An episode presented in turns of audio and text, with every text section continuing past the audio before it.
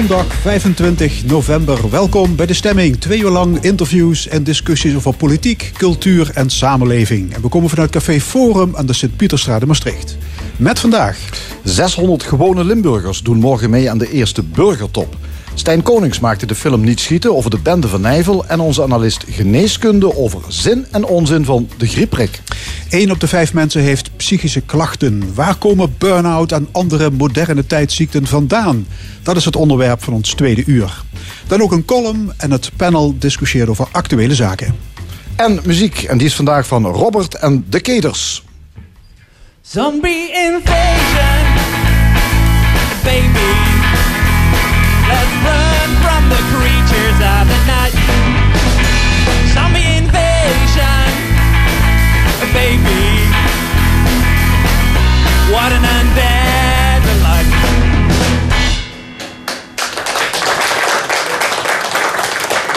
600 Limburgse burgers hebben zich aangemeld voor de eerste Burgertop Limburg. Die wordt morgen gehouden in de voetbalstadions van VVV, Fortuna en Rode JC. De onderwerpen die aan bod komen hebben ze zelf aangedragen. De bedoeling is om de bevolking directer bij het bestuur te betrekken. Politici zijn derhalve niet welkom op die burgertop. Aan tafel Aleida Berghorst, initiatiefneemster en PvdA-statenlid... en filosoof Govert Derks. Goedemorgen allebei.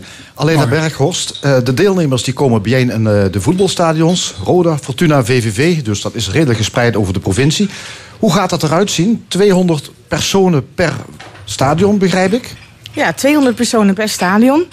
Eh, en die gaan eh, door middel van World Cafés met elkaar in gesprek over. World Cafés? Ja, World Cafés. Zo noemt de organisatie dat. Volgens mij zijn het gewoon ronde tafels. Oh ja. Ja, maar eh, die gaan met elkaar in gesprek over actuele onderwerpen, de onderwerpen die ze aangedragen hebben. En op basis daarvan komen er een aantal voorstellen uit die breder gedragen zijn of breed gedragen zijn op die burgertop. En die worden verder uitgewerkt. Ja, 600 Limburgers mogen daar dus aan de slag gaan. Waarom zijn zij de gelukkigen? Zij hebben zich aangemeld. Ehm, vooraf eh, is er een enquête gehouden eh, onder alle Limburgers. Iedereen kon eraan meedoen.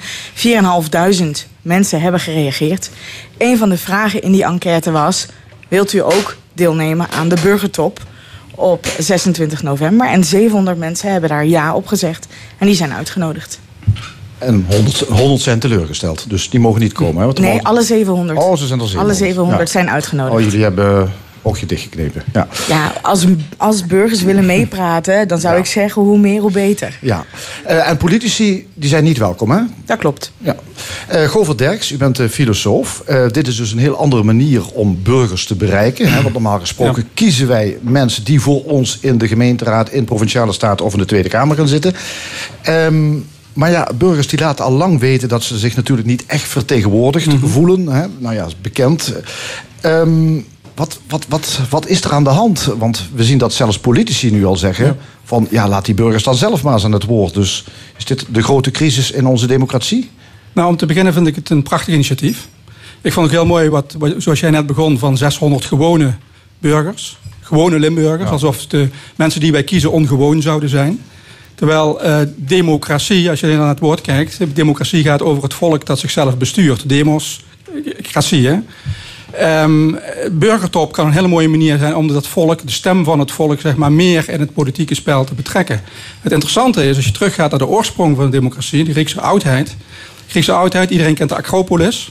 Als daar het feest van de democratie werd gevierd, dan kwamen er duizenden, ik geloof soms wel 30.000 burgers kwamen samen op die heuvel van de democratie tegenover de Acropolis om samen ergens iets van te vinden. Dus datgene wat wij nu met 600 zogenaamd gewone Limburgers doen in die stadia, in die stadions, dat was daar een beetje de praktijk. Ja. En het interessante is, als je daar in, in de geschiedenis duikt, er zijn hele mooie boekjes over geschreven. David van Rijbroek bijvoorbeeld, zijn beroemde boekje over tegen de verkiezingen. Ja, die zegt van op de een of andere manier eh, is er in de Franse verlichting bij ons iets heel geks gebeurd. We werden weer democratisch. Na de revoluties, na de terreur, werden we weer democratisch. En toen stonden we op een tweesprong. Gaan we nou eh, democratie doen op basis van loting? Dus alle gewone mensen mogen meedoen. Tot en met le peuple, het gepeupel. Hè? Of eh, gaan we verkiezen? Verkiezingen doen, getrapt. En het interessante is nou, dat zegt Van Rijbroek ook ergens... van het lijkt wel alsof we toen bang waren... om echt maar het volk echt zelf aan het woord te laten. En de verkiezingen, een soort indirecte democratie... waren als het ware bijna een soort manier om dat volk niet echt aan het woord te laten. En voor mijn gevoel, het verhaal afmakende staat Limburg nu op een soort tweesprong zoals Europa toen stond. Gaan we linksaf richting loten, richting burgertopachtige dingen... of gaan we rechtsaf richting soort verkiezingen? En om jouw vraag te beantwoorden, door die twee dingen bij elkaar te brengen... dus zeg maar de beraadslaging, burgertop en democratie in de verkiezingsvorm... door die twee dingen bij elkaar te brengen... zou je op een prachtige manier kunnen komen tot die verlevendiging van de democratie... waar we allemaal zo naar verlangen. Ja, verlevendiging. Eh, dus ik, ik hoor jou niet zeggen... de legitimiteit van onze representatieve democratie... die staat ter discussie. Uh, ik denk als je naar de onderstromen van een en ander kijkt, dan staat die natuurlijk wel degelijk ter discussie. Er worden al discussies gevoerd in onze wereld. Kijk naar eh, van is de democratie eigenlijk wel het beste bestel? Kijk, Churchill, dat beroemde uitspraak hè, van ik ken niks beters. Het is niet, niet de beste. Ja, ik, ik weet niks beters. Nou, ik denk dat dat dan wel iets beters is. Namelijk door terug te gaan naar die Griekse oudheid. En daar het goede van te pakken. Dat te combineren met wat we nu al hebben. Ja. En dat is waar jullie mee bezig zijn. Ja, Aleida Bergels, is het inderdaad, moet het tot een combinatie van ja, beide systemen lijken, leiden? Ik denk dat dat een, eh, de meest werkbare vorm is. Eh, kijk, Provinciale Staten komt in het nieuws als we een spannend besluit hebben voorliggen. Ja, dat is niet zo heel vaak trouwens, hè? Precies, dat is niet zo heel vaak. Maar toch ben ik iedere vrijdag op het gouvernement voor Limburgers dingen aan het beslissen. Dat betekent dus dat er heel veel dingen zijn waar mensen gewoon, hè, die heel, heel belangrijk zijn, maar wat, die, gewoon niet zo tot de verbeelding spreken. Wanneer dacht u eigenlijk, ja, ik ga zo'n burgertop organiseren? Was er een directe aanleiding? Was er een moment dat u dacht van, ja, niemand weet wat wij doen en het is zo belangrijk en er gaat zoveel geld in om, dus nu moet het er maar een keer van komen? Ja, ik was net gekozen en ik zat eh, in een commissievergadering en de hele tribune zat vol. En, en met alleen maar boze mensen. Ja. En ik dacht, potdomme, ik krijg alleen maar boze mensen. Ik krijg alleen maar burgers hier. Ja, gewone Als burgers. Gewone, gewone mensen. Ja, ik ben ook heel gewoon. Maar gewone mensen, burgers krijg ik alleen maar hier als ze boos zijn. En dat is zo zonde. Want ik weet zeker dat iedereen een mening heeft over wat wij doen in Limburg. En ik wil, ben op zoek gegaan naar een manier om mensen eh, niet... eh, wel bij de politiek te betrekken, maar niet alleen als ze boos zijn of verdrietig of teleurgesteld. Het is wel het oorspronkelijk dus inderdaad ook een feestelijke kant had. Hè? Als je daar terug gaat naar dat Grieks, die Griekse oudheid, daar zaten mensen te picknicken. Daar werden, eh, eh, het was gewoon gezellig. Ja, vandaar misschien die voetbalstadions. Ja, ja, stadions, ja. hè? ja, ja. Maar begrijpen mensen wel waar dit over gaat? Want in die Grie- Griekse oudheid kon het over alles gaan natuurlijk. Eh, als je daar in, in Athene bij elkaar ja. kwam. De provincie, dat is zo'n middenlaag. hè, Zo'n zo'n bestuurslaag, die gaat over heel veel dingen ook vooral niet. Begrijpen mensen waar ze het over kunnen hebben? Ja, je moet mensen ook een beetje helpen. En wat wij eh, met het initiatiefvoorstel gedaan hebben, is dat wij gezegd hebben: mensen mogen over alles een onderwerp indienen. Eh, en het is vervolgens aan de organisatie van de burgertop om te bekijken of dit iets is waar provinciale staten over gaat. Als dat zo is, dan gaat het mee in eh, de beraadslaging. Is het iets wat echt een gemeentelijke zaak is, dan eh, delen wij dat met de gemeente en zeggen we: hé, hey, dit is bij ons binnengekomen, maar dit is jullie verantwoordelijkheid. Misschien is dit iets waar jullie wat mee kunnen. Ja, maar welke onderwerpen komen er aan bod bijvoorbeeld morgen? ja, dat is eh, het grote geheim nog. Dat wordt morgen onthuld. Maar ik kan wel zeggen dat eh, als je 4.500 mensen bevraagt over wat zij belangrijk vinden voor Limburg, daar dus uitkomt wat wij allemaal belangrijk vinden Ja. voor Limburg. En een voorbeeld is bijvoorbeeld de digitale samenleving. Hoe gaan we daarmee om? Dan liggen er straks dingen op tafel waar je eigenlijk politiek... Het is, eh, zeg maar, het is, is, het is nog niet grondwettelijk of zoiets, zo'n burgertop. Maar er liggen dingen op tafel eh, waar je eigenlijk als politiek met goed fatsoen niet meer omheen kunt. Dus je krijgt zeg maar in dat hele spel tussen eh, op provinciaal niveau... dus de middenlaag in dat huis van, beroemde huis van Torbeck... tussen provinciale staten en gedeputeerde staten... krijg je straks een nieuw fenomeen. Waar de- daar worden inhoudelijke dingen gezegd...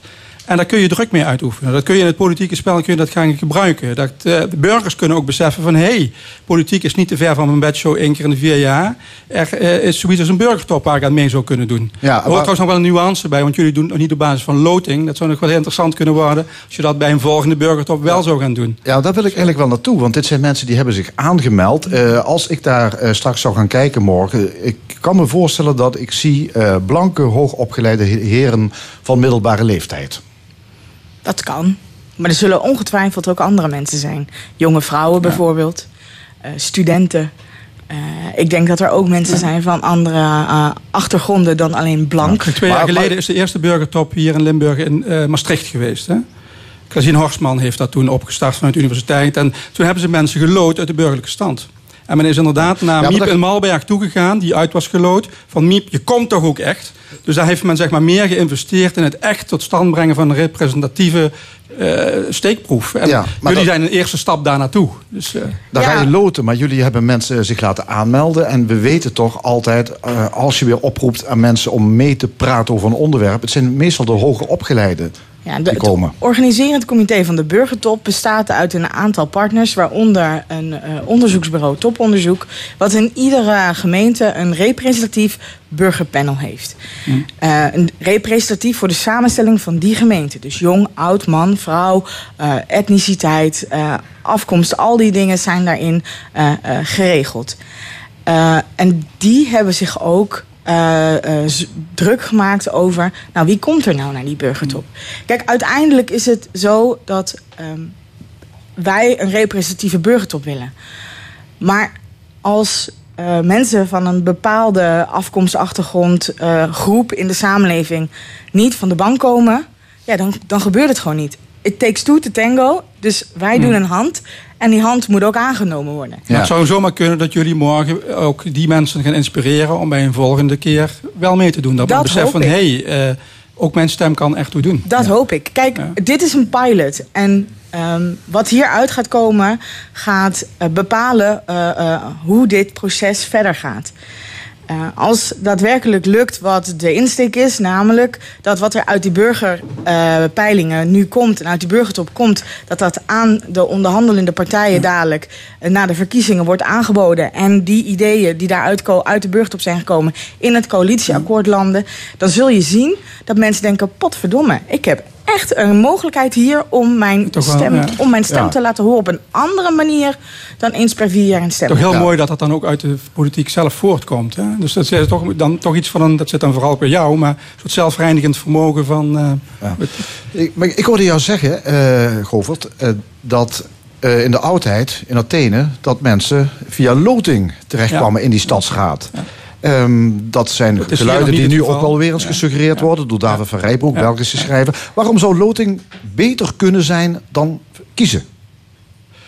Eh, omdat je bij loting eh, eigenlijk eh, iedere burger in beginsel, iedere burger weet van zichzelf, er kan een moment komen waarop mijn stem echt toe gaat doen. Waarop ik word aangesproken op mijn burgerplicht om iets te vinden van onze samenleving, een thema in die samenleving. Dus met andere woorden, eh, democratie is niet iets wat ik eh, één keer in de vier over de schutting gooi en dan eh, ben ik er weer vanaf.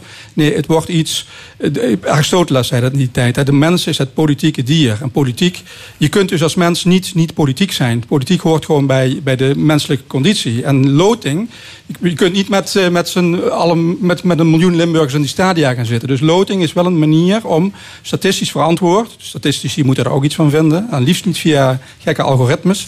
Maar eh, is een manier om een representatieve steekproef te krijgen van, van eh, om, nog een andere filosoof erbij te halen, de, de Diderot, hè, Voltaire, de, de, de, hoe heet het ook weer, de volonté générale, om de, de algemene volkswil boven water te halen. En die wordt onvoldoende gehoord en die verklaart die boze burgers mede bij jullie op de, op de tribune. Ja, en je krijgt ook geen politieke elite natuurlijk. Maar van de andere kant, gaan jullie niet ook hele hoge verwachtingen wekken bij die burgers die daar morgen samenkomen? Verwachtingen die misschien niet waargemaakt kunnen worden en dan leiden tot enorme teleurstellingen. Dat denk ik niet, want wij hebben eh, van tevoren heel. Het proces is heel duidelijk geweest. En we hebben heel duidelijk gezegd: ehm, zo gaan we het doen. Mensen kunnen ideeën aandragen. Op een burgertop worden die ideeën besproken. Als mensen eh, willen dat hun idee echt eh, goed over het voetlicht komt, ja, dan moet je dus ook naar die burgertop komen. En afgesproken is, en dat wordt morgen ook heel duidelijk uitgelegd aan de mensen die daar aanwezig zijn. Niet alles, alle ideeën die hier ter tafel komen, kunnen eh, eh, in een coalitieakkoord eh, landen of kunnen uitgewerkt worden tot een statenvoorstel. Dat, zal, dat zullen de onderwerpen zijn die het meest breed gedragen zijn. Dat is ook democratisch natuurlijk. Hè? Het meest breed gedragen wordt eh, voorgesteld. Dat wil niet zeggen dat er eh, ideeën die wat minder breed gedragen zijn, de prullenbak in verdwijnen. Want het is wel de bedoeling dat al die ideeën naar provinciale staten toekomen. Dus als daar iets in zit waarvan wij als staten zeggen: ja, maar dit vinden wij een supergoed idee, dan kunnen wij er alsnog mee aan de slag En dat gaan. kan niet zomaar in een la verdwijnen. Dus, Nee. Nee, want het is door een grote groep voorgedragen. Ook, ook al is het zeg maar nog niet iets wat in de wet zit of zo. Als je dit een paar keer gaat doen en het wordt steeds serieuzer en zwaarder. En burgers zien van hey, hier gebeurt iets. Eh, dan, dan, ja, dan zijn denk ik de checks en balances, zoals dat zo mooi heet, wel der- dermate dat, dat dit gegeven moment onderdeel gaat zijn van het systeem. En dan hebben we eindelijk eh, op een veel subtielere manier als dat, eh, ik zou willen, zeggen, vervloekte referendum, hebben we, hebben we iets waarbij we burgers erbij kunnen betrekken. Mijn stelling is zelfs, als de Britten gebruik hadden gemaakt van een burgertop in plaats van een referendum, hadden we geen brexit gehad. Die noteren we. Dankjewel. Govert Derks en Aleida Berghorst. En de muziek vandaag in de stemming wordt verzorgd door Robert en de Kieders. Een driemansformatie uit Venlo. Robert, je bent de zanger en gitarist, ook oprichter van de band. Ja, hij is ook naar mij vernoemd.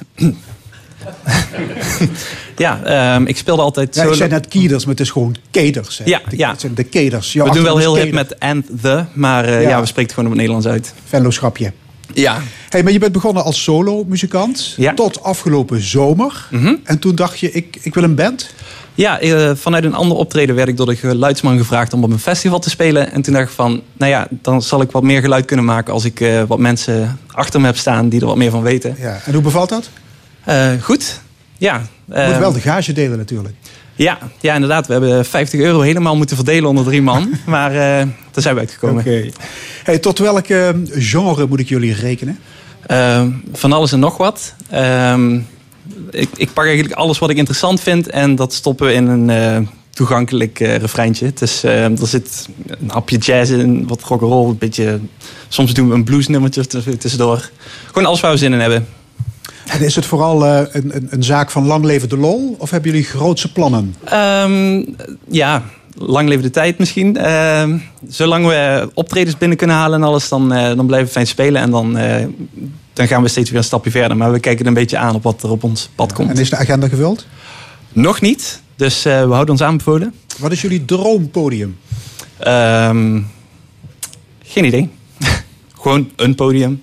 Oké. Hey, en dit wordt jullie allereerste radio-optreden? Ja, Alright. Zet hem op. ja dankjewel. Robert, je mag terug naar het podium. En hij wordt begeleid door bassist Tom Koppen en drummer Peter Muizenberg. Hier zijn uit Venlo Robert en de Keders met Part of My Body.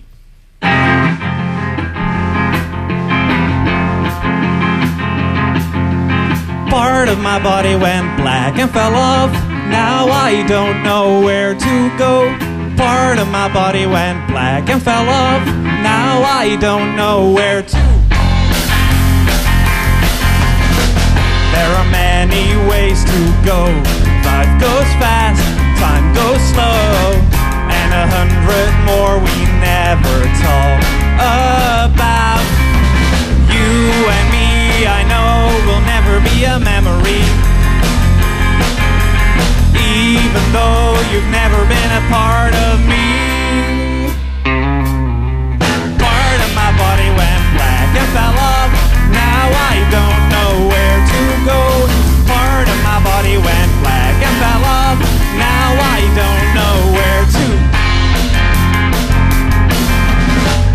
If I hold my head up high, some will live, some must die. That's the way it's been and the way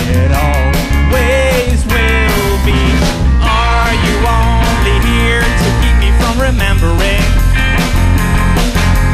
Even though you've never been a part of me.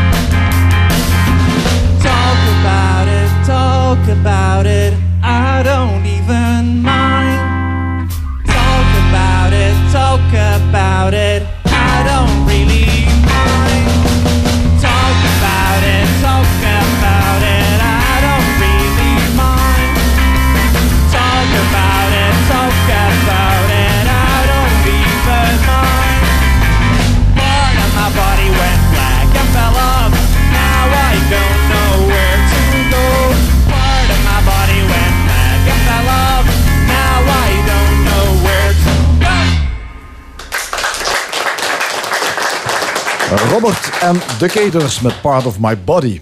Bij ons gaat komende week de film Niet Schieten in première. Het is een speelfilm van de Belgisch-Limburgse cineast Stijn Konings. Bekend van onder andere Daans, Coco Flanel en Marina. Niet Schieten is een beklemmende film over de Bende van Nijvel. De beruchte groep criminelen die begin jaren 80 dood en verderf zaaide in België. Vooral door overvallen op supermarkten. Aan tafel filmmaker Stijn Konings. Meneer Konings, welkom. Goedemorgen. De film is gebaseerd op het boek Niet schieten, dat is mijn papa, geschreven door David van der Steen. Wat is zijn betrokkenheid bij de bende van Nijvel?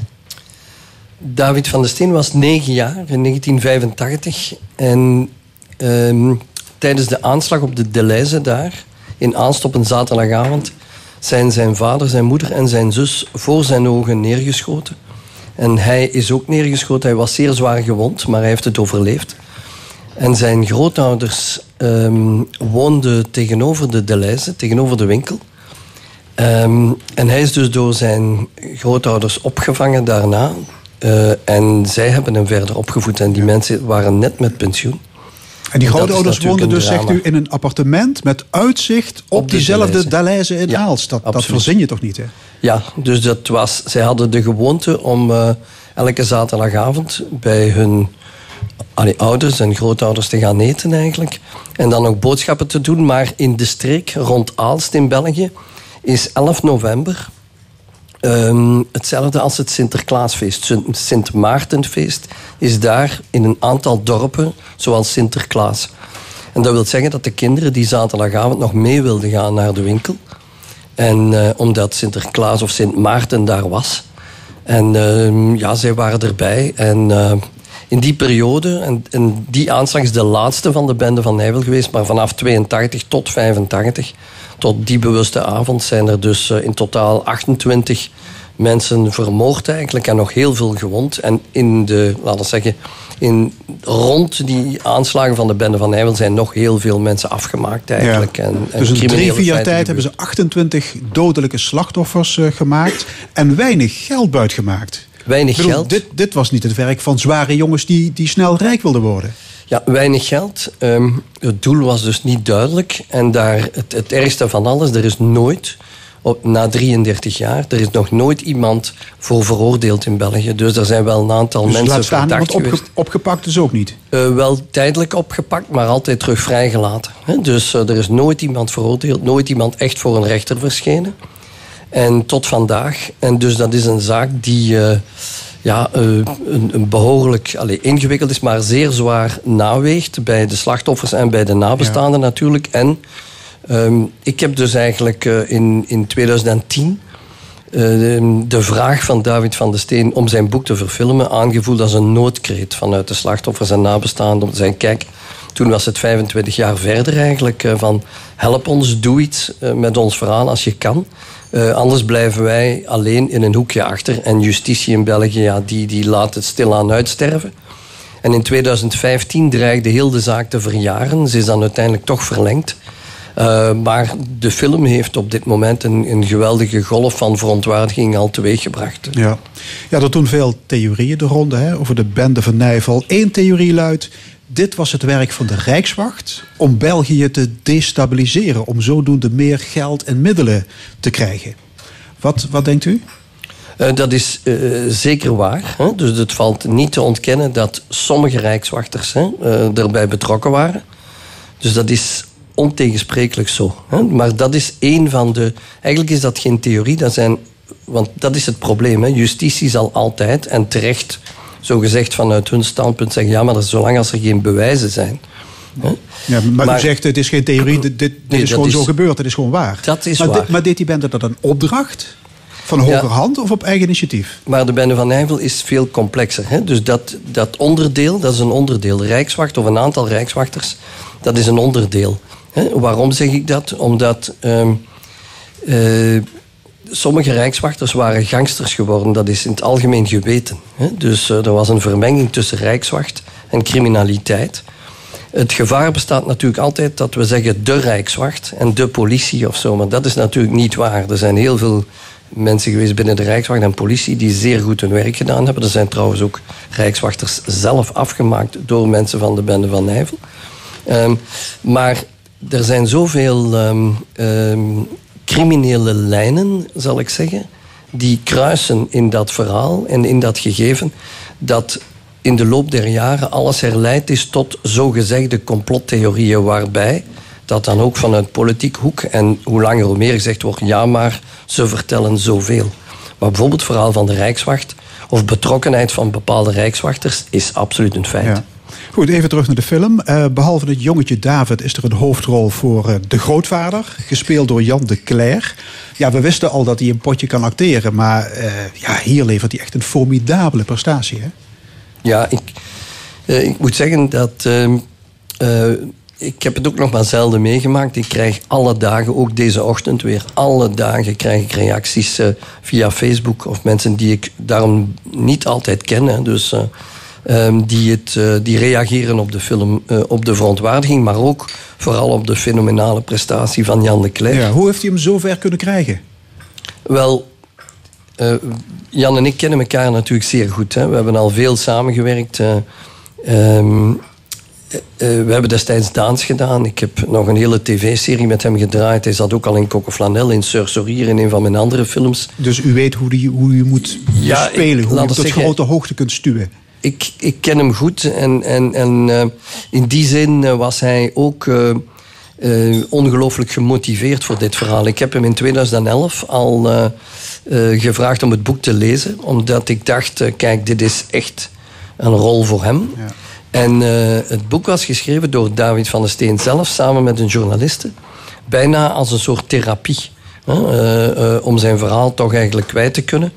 Ehm, en hij had stiekem gedroomd dat eh, Jan de Cler eventueel geïnteresseerd zou zijn. En als ik het las, het boek, dacht ik, ja, dit is echt iets voor Jan. Maar het is natuurlijk een fenomenaal acteur. En wanneer het gaat over onrecht... Ja, eh, eh, Jan is gelijk een, is gelijk een dier, gelijk een beest. Het is een soort leeuwenkoning. En als die eh, onrecht voelt, dan legt hij zijn klauw ergens op. En bijt hij zich daarin vast in dat verhaal. En dat is wat hij hier ook gedaan heeft. Ja, de En- film moet hij op een gegeven moment ook zijn, zijn zoon en zijn schoondochter en kleindochter identificeren in het mortuarium. Ja. Ja. dat levert hartverscheurende emotionele scènes op.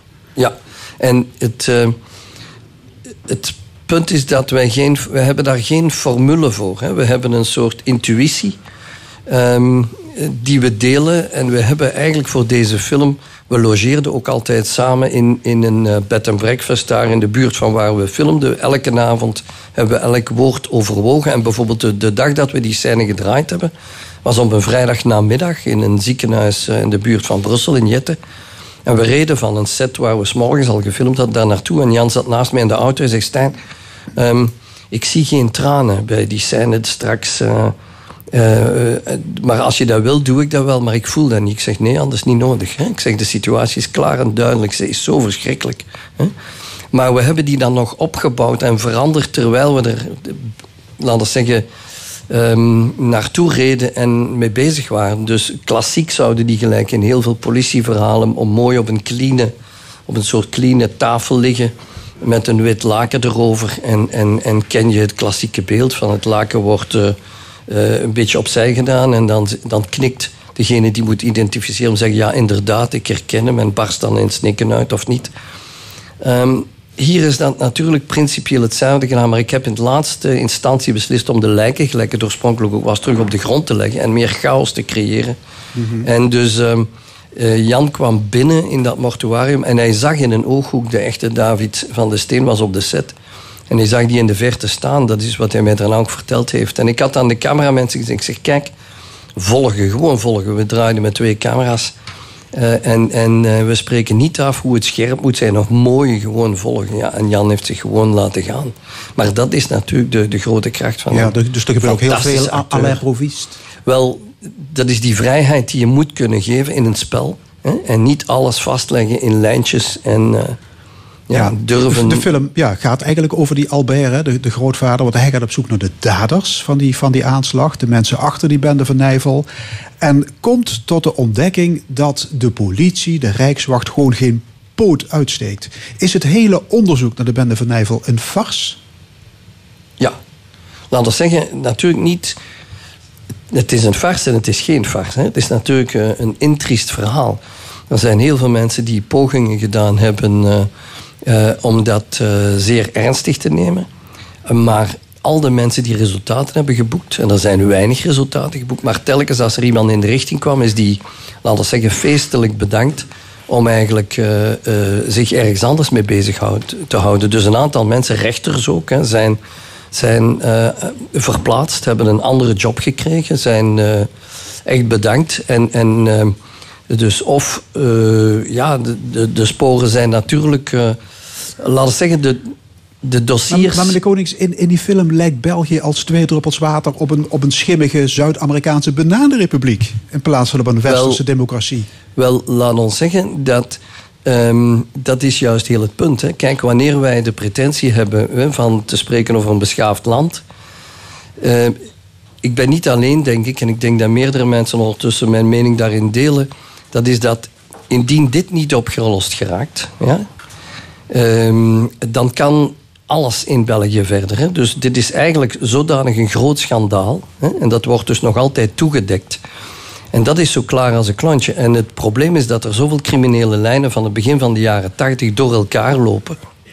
En eh, dat er ook de minister van Justitie zelf, hè, ik heb met verschillende ministers gesproken, maar de laatste minister die nu ook, eh, minister Geens, die op dit moment verantwoordelijk is, ehm, ja, die, die eh, weet het zelf ook zeer goed dat er moet gesproken worden op het allerhoogste niveau. En wat dat betekent is Ja, natuurlijk. dus eh, in die zin is Niet Schieten ook een politieke film. Het is één grote aanklacht tegen politiek, eh, justitie, pers, noem maar op. Eigenlijk tegen het hele rechtssysteem. Ja, en ik heb het vorige debat, debat daarnet gevolgd. Ik denk dat het, kijk, een van de zaken van de democratie, hè, wordt dikwijls gezegd, is de scheiding der machten. Dus het feit dat justitie en politiek theoretisch gezien ook gescheiden zijn. Maar dat is het, juist hetgeen wat hier gebruikt is. Dus wanneer je eh, natuurlijk zegt, kijk, de politiek mag zich en kan zich daar niet mee bemoeien. Maar wanneer die natuurlijk die lijnen door elkaar lopen. Hè, eh, en je, je kan dan dossiers wel enerzijds officieel correct behandelen, maar je gaat ze nooit verbinden. Met andere woorden, binnen justitie is niet iedereen verplicht om na te denken. Wel van, van het ene dossier, het begin tot, van het dossier tot het andere. Maar wanneer die verbonden zijn, niet meer. En, en, en politiek zegt, kijk, wij hebben daar niets mee te maken, want het is aan justitie. Ja, wanneer die dan in de werkelijkheid wel met elkaar verbonden waren, ja, dan komt het natuurlijk goed uit om daarmee verwarring te zaaien. Plus, België heeft natuurlijk veel regeringen. Hè, die zijn in de loop van die 33 jaar is het land er niet eenvoudiger op geworden. Ehm, wanneer er in de jaren 90, een s- de, de, de- naar aanleiding van de grote zaak Dutroux, politie en rijkswacht zijn samengesmolten, dan is dat allemaal een gevolg. En dat zijn allemaal gevolgen van die onwaarschijnlijke criminele nest, zou ik zeggen, eh, van het begin van de jaren 80. En het beperkt zich Ja, niet toen tot is er wel periode. enige reuring ontstaan, hè? Ja. Ook door die roze balletten. Toen kreeg je die witte mars en zo. Dus toen Ja. kwam... Maar de roze- pikte het volk het niet meer, toch? Ja, maar de roze balletten dateren van eind van de jaren 70. En Dutroux is midden van de jaren 90. Ja? Dus het heel het proces en, en de veranderingen. Maar ja, gedurende die, dus de bende van Nijvel is gesitueerd tussen 82 en 85. Maar het begin en het einde daarvan Ja. heeft natuurlijk allemaal met elkaar te maken. Ja, ik kan me voorstellen eh, dat de nabestaanden van de slachtoffers heel blij zijn met uw film. Hè, u staat 100% aan hun kant. Ja, de, de meeste wel. Hè. Eh, Ik zeg de meesten omdat ja, er zijn er net een paar gelijk in die, de die, film... die vinden dat u inbreuk maakt op hun privacy. Ja, eh, maar dat wisten we al voor we eraan begonnen. We hebben dat natuurlijk wel overwogen, beslist om dat toch te doen, en die film toch te maken, met alle respect. Ehm, maar het, het gaat hier niet over ehm, eh, een, een zeer eenvoudige, eh, gemakkelijke commerciële eh, film. Het is een zeer moeilijke film, een zeer delicate film geweest, een lang proces. En eh, de keuze om het toch te doen is, heeft natuurlijk eh, alles te maken met het feit dat indien het niet zou gebeuren, ja, dat effectief de zaak stilletjes zou uitdoven. Die kans was al zeer groot en die bestaat nog altijd. Dus niemand maakt zich illusies. De film geeft geen antwoord. Dat is ook niet aan ons. Wij moeten niet zeggen wie het gedaan heeft. Daarvoor is er juist justitie. Eh, En wij hopen dat de publieke verontwaardiging de collectieve publieke verontwaardiging de moed geeft aan de mensen die vandaag verantwoordelijk zijn om eindelijk eens tot op het bot te gaan. Niet schieten is goed ontvangen de Belgische pers. Altijd een spannend moment, de teneur van de kritieken. Uh, altijd spannend, uh, maar het, het, de mensen maken de film. Hè. Dus het, het, de mond-aan-mond reclame is ongelooflijk. Uh, dus de film wordt gemaakt door het publiek zelf. Ja. Hoe zal de film ontvangen worden in Nederland? Wel, ik ben, daarom ben ik met zeer veel plezier hier. Ik hoop dat, dat dezelfde gevoelens gedeeld worden in Nederland. we hebben ook reacties gehad in Frankrijk. Dus de verontwaardiging is even groot. Um, uh, voor mensen die het verhaal niet kennen. Hè. Je hoeft dus niets van de bende van Nijvel te weten om het verhaal te kunnen volgen. En ik hoop uh, dat het verhaal geweldig gedeeld wordt hier in Nederland ook. Want het gaat. De context van de bende van Nijvel is internationaal. Het heeft dus niets te maken met. Uh, met alleen België. Hè. Dus dat is een heel grote politieke internationale context. En daar binnenin zijn er een paar landen waar dat fout is gelopen. Italië ook, met de moord op Aldo Moro. En in België is dat uh, laten we zeggen, eerst en altijd afgedaan als lokale criminaliteit. Maar eigenlijk is dat een zeer groot dossier. Ja. En u heeft bijna niks verzonnen. Vanaf donderdag te zien in tal van bioscopen en filmhuizen. Niet schieten, een film van Belgisch Limburger Stijn Konings. de Konings, hartelijk dank. Zeer hartelijk dank jullie. En dit is L1 met De Stemming. Elke zondag live vanuit Café Forum in Maastricht. Zometeen de griepprik. Hoe zinvol is het om die te gaan halen bij je huisarts? Maar eerst Robert en de Keters met It's Alright Now.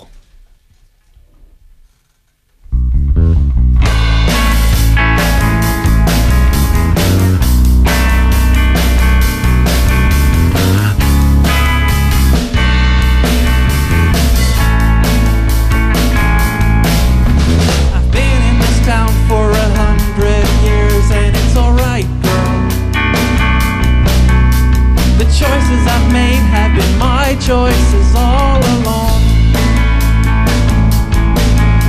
I've traveled around, but you know I never got anywhere, girl. So don't be scared, girl. Cause I'm cutting strong. And it's alright,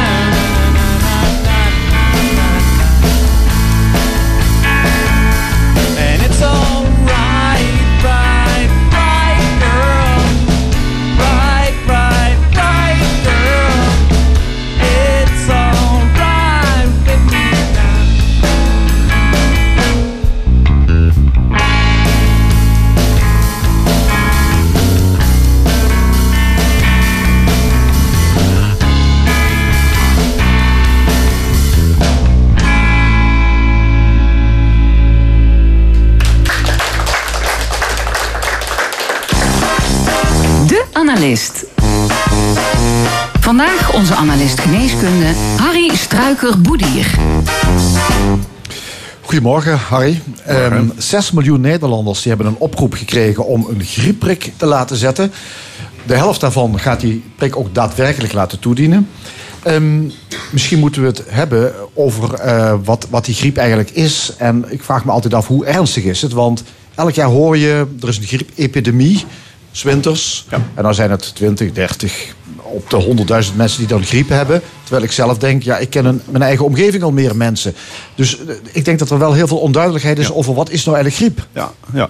Nou, griep, medisch gesproken, is een virusinfectie. en dat virus, dat noemen we het influenza. Dat is het eh, Latijnse woord, zeg maar.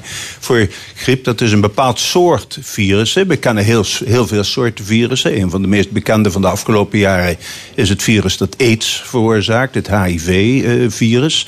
en virussen zijn in principe, eh, kunnen zeer gevaarlijk zijn. We hebben de beruchte of beroemde griepepidemie van 1918 gehad. Waarin 40 miljoen mensen stierven. Meer dan Spaanse griep heette die. Ja. ja. Heel beroemde eh, infectie. En dat, maar het varieert. Virussen die kunnen namelijk eh, heel snel muteren. De mens heeft er 100.000 jaar over gedaan om van Neandertaler Homo sapiens te worden. Maar een virus kan op een dag, als het ware, eh, eh, veranderen. En die griep is daarom potentieel toch redelijk gevaarlijke aandoening bij mensen die daar gevoelig voor zijn. Wie- zijn dat? het- Welke mensen? nou, dat is eh, doorgaans mensen wie normale afweer verminderd zijn. Het afweersysteem verminderd zijn. En dat zijn dan meestal mensen met een chronische ziekte, zoals diabetes, suikerziekte of longaandoeningen, eh, hart- en vaatziekten, komt ook voor. En in zijn algemeenheid de wat oudere mensen. Daarom dat in Nederland een, een streep is getrokken bij 60 jaar... en dat iedereen boven de 60 jaar een oproep krijgt. Ja. Dan wil dat lang niet zeggen dat iedereen die ouder dan 60 is... onvoldoende afweer heeft. Maar dat wordt dan eh, eh, in zijn geheel gedaan. Eh, en daarom die grote aantallen eh, die opgeroepen worden. Ja, want, want het kan dus best gevaarlijk zijn, die griep. ja, het is zeker nogmaals dat voorbeeld van die Spaanse griep. En we hebben later ook de Mexicaanse griep. En er zijn, er zijn verschillende vormen geweest. En steeds muteren die virussen. Dat is eigenlijk heel belangrijk. Die hebben een heel snelle vorm van kunnen veranderen. En dan heb je geen afweer daartegen. Als er zo'n nieuwe voorkomt. En dat is een, dat is een heel daarmee potentieel gevaarlijke eh, manier van in de gezondheid eh, ingrijpen. Ja, want elk jaar overlijden er ook mensen. Hè? Ja. Zelfs wel enkele duizenden, Ja, met name uit die groep van de meer gevoeligen, van die minder eh, weerstand eh, hebben. Je ziet de sterftecijfers tijdens een griepepidemie duidelijk toenemen. Nou wil dat niet zeggen, eh, dezelfde mensen zouden uiteindelijk misschien een jaar of twee jaar later ook doodgegaan zijn. Iedereen gaat dat uiteindelijk. Maar in dit geval eh, wordt dat toch versneld door een eh, griepproces. Ja. Nou ja, dus 6 miljoen Nederlanders krijgen daarom die oproep om die griepprik te laten Ja. toedienen. Ja. Maar wat is dat eigenlijk, een griepprik? Een griepprik is een. Vergelijk het maar een beetje met de mazelen. Dat is ook een, een griep. Daar kun je een vaccin. En dat doet in Nederland eh, iedereen op hele jonge leeftijd. Neemt een beetje af. Maar de vaccinatie daartegen is heel effectief in Nederland. Het is een vaccin. Dus dat is een antistof. Die eh, als het ware het afweersysteem oppept. En die zorgt dat de natuurlijke afweer sterker wordt. En daar wordt die prik voor gegeven. Die bestaat dan uit een, uit een mengsel van verschillende antistoffen. Die worden al in februari starten ze met weer de nieuwe te maken voor dat jaar. Want de ontwikkeling van dat vaccin, dat gebeurt op, op bebroede eieren.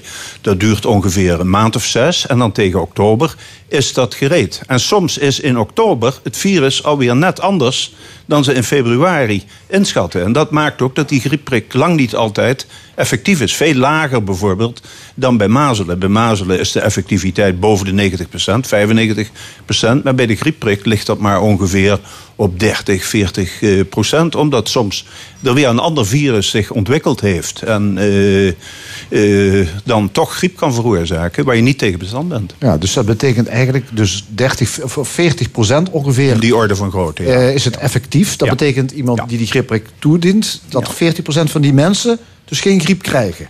dat die een stevige eh, afweer daartegen hebben. En de effectiviteit wil in dit geval in- inderdaad zeggen dat ze dan ook niet griep ontwikkelen. Ja. Ja. Beschermd worden. Ja, dan, dan kijk je naar de persoon. Maar je Ja. kunt natuurlijk ook naar gewoon de hele samenleving Ja. kijken. Als mensen zich laten inenten, dat hoor je tenminste altijd bij al die andere inentingen, dan zijn wij collectief eh, ook beter af, omdat wij met z'n allen beschermd zijn en dus Ja. minder kans maken. Op. Is dat, dat is- geldt dat dat bij griep ook zo? Dat geldt voor twee, eh, dat geldt voor twee redenen. Op de eerste plaats is een grote groep dan in principe beschermd. Maar welk individu het treft. Vergelijk het maar een beetje met de autogordels. We hebben allemaal autogordels in onze auto. Maar wie heeft er nou uiteindelijk baat bij? Dat zijn er maar een paar honderd of misschien een paar duizend per jaar... die een ongeluk krijgen waarbij de autogordel levensreddend eh, is. Toch beschermen we in dit geval zelfs de hele bevolking verplicht via autogordels tegen eh, auto-ongelukken. De andere reden om dat ook toch op vrij grote schaal te doen, is om de verspreiding van griep tegen te gaan. Griep wordt verspreid via de mond. Het is een, een, een, een, eh, niet, niet zoals het HIV seksueel overdraagbaar, maar het is overdraagbaar via de ademhaling. En om te voorkomen dat die epidemie zich erg uitbreidt, wil je het aantal mensen dat dat griepvirus ontwikkelt en dat zich vermenigvuldigt in het lichaam ook zo laag mogelijk houden. Dat is ook de hele reden over het debat van de vaccinatie op het ogenblik bij kinderen. Dat dat aan het afnemen is. Dat is niet alleen dat die kinderen meer gevaar lopen om eh, eh, mazelen en dat soort infecties op te lopen. Maar ook dat ze een, grotere bron van verspreiding zijn. En dat is gevaarlijk op het niveau van de volksgezondheid. Ja. Nou zijn er steeds minder ouderen eh, en, en mensen in al die risicogroepen die ook besluiten om die griepprik te gaan halen. 6 miljoen Nederlanders krijgen dus die oproep. De helft daarvan ja, gaat ook daadwerkelijk naar de huisarts en ontvangt die prik. Eh, maar als je kijkt naar 20 jaar geleden, toen was nog, even kijken, toen- toen deed nog 75% van alle mensen die opgeroepen werden, die ging ook braaf naar die huisarts. Dus er is wel iets aan het verschuiven. Je hebt een juist woord gebruikt, dat is het woord braaf. Dat is namelijk dat het gezag van de medische stand een aantal jaren geleden groter was dan nu. Burgers in het algemeen kiezen meer. Je ziet die tendentie niet alleen bij de griepprik, maar je ziet hem nu ook eh, heel eh, dramatisch, eh, vind ik zelfs, in de algemene, bij de kinderen, eh, vaccinaties tegen de kinderziektes. Dat neemt ook af in Nederland. Die, die, dat komt onder een gevaarlijk percentage nu in sommige regio's van Nederland, onder de 80 procent. En dat eh, levert nieuwe gevaren op. Niet voor niets dat daar regeringswegen uit ook behoorlijk wat aan eh, gedaan wordt nu. Ik denk dat het het, het, het gezag waarmee men aanneemt dat iets gezond is, meer ter discussie wordt gesteld. En dat is aan zich goed. Dat is een, dat is een belangrijke maatschappelijke ontwikkeling. Dat niet eh, zomaar alles voor koek geslikt wordt. Maar in dit geval dienen toch ook burgers zich denk ik wel heel goed te verdiepen in wat de consequenties zijn van dat uitblijven. De Ja, consequenties van griep zijn natuurlijk wat minder ernstig dan van kinderziektes als, als mazelen of DKTP of, of, of noem maar op, alle eh, vaccinaties die we krijgen. Maar eh, kunnen toch ook eh, gevolgen hebben. Ja. Het zal, er zal meer griep gaan voorkomen naarmate er minder bescherming geboden wordt via het vaccin. Ja, maar als mensen al horen dat de kans dat je als individu geen griep krijgt omdat je de griepprik haalt, Ja. die, die is dus niet zo enorm groot. Nee, die 30 tot 40 procent bescherming tot nu toe, doordat lang niet altijd het vaccin effectief is, maakt dat twijfel. Maar eh, weer de vergelijking met de autogordel. Eh, hoe groot is de kans dat de autogordel jouw bescherming eh, biedt? Daar waar een ongeluk gebeurt, is dat vaak groot. Maar op de totale bevolking heeft dat niet heel veel impact. Nee. En je hoort natuurlijk vaak het verhaal van je buurman die zegt: Ik heb die griepprik gehaald en ik heb toch griep gehad. Dus ja, Ja. het maakt Ja. ook niet uit. Ja, maar dan moeten we nog wel even griep goed definiëren. Echt griep hebben, dat is een serieuze ziekte. Griep is een, een, een aandoening en niet iedere eh, avond eh, met roken en in het café en zingen... die gevolgd wordt door de dag daarna een beetje ontsteking van de longen of van de luchtwegen...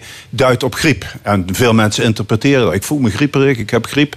Dan is het geen griep, dan is het iets anders. Een griep eh, wordt gekenmerkt minstens een week lang flinke koorts, spierpijn, hoofdpijn. Dan ben je beroerd aan toe. En ik denk dat in, het, in, in de volksmond, in het, in het gewone woordgebruik... het begrip griep lang niet altijd. Vandaar ook eh, wat, wat al in de inleiding eh, gezegd werd. eh, het aantal grieppatiënten is aanzienlijk lager dan wij in onze omgeving menen te zien. We menen te zien in onze omgeving, als er een griepgolf is, dat zo ongeveer iedereen griep heeft. Maar de daadwerkelijke griep daaronder is veel kleiner dan allerlei andere Ook ongemakken hoor. Ik eh, onderschat zeker niet het ongemak van een, een, eh, een luchtwegirritatie. maar om dat griep te noemen, dat klopt niet. Dus in dat opzicht moeten we daar ook iets voorzichtiger aan Ja, ik heb er nog wel één wat, wat ik Ja. wel eens om me heen hoor. Mensen die zeggen als je die griepprik gaat halen, dat vermindert juist je weerstand. Je moet gewoon zelf zorgen dat je goed beweegt, dat je goed eet en dergelijke. En die griepprik, ja.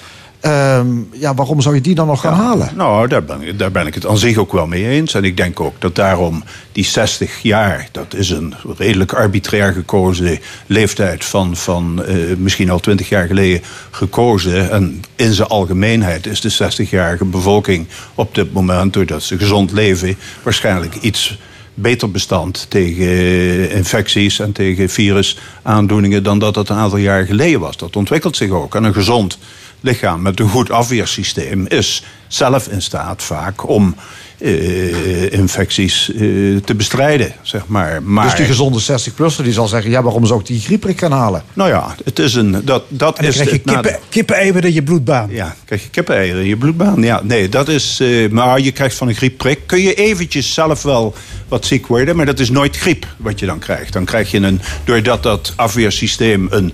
Een schok krijgt, kun je wat koortsig zijn, maar dat is kort. Dat is nooit een week lang en, eh, en, eh, chronisch, zeg maar. Oké. Ja. Dankjewel, Harry Struikenbodier, om de zaken eens even op een rij te zetten. Straks in de stemming aandacht voor burn-out en andere moderne tijdsziekten. De column van Jos van Wersch, muziek van Robert en de Keders en natuurlijk het discussiepanel. Blijf luisteren, tot zometeen.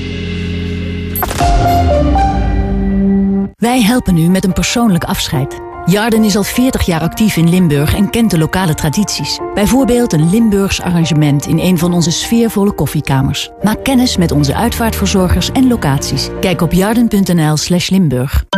Kun je een cv-ketel wel vervangen door een warmtepomp? Uw cv-ketel vervangen of naar gasloos met een warmtepomp? Variant geeft antwoord en adviseert graag over de oplossing voor uw woonsituatie. Maak een afspraak met uw Variant-vakman of kijk op variantwoord.nl. Variant. Mijn huis, mijn comfort. Wat is jouw slaap-DNA?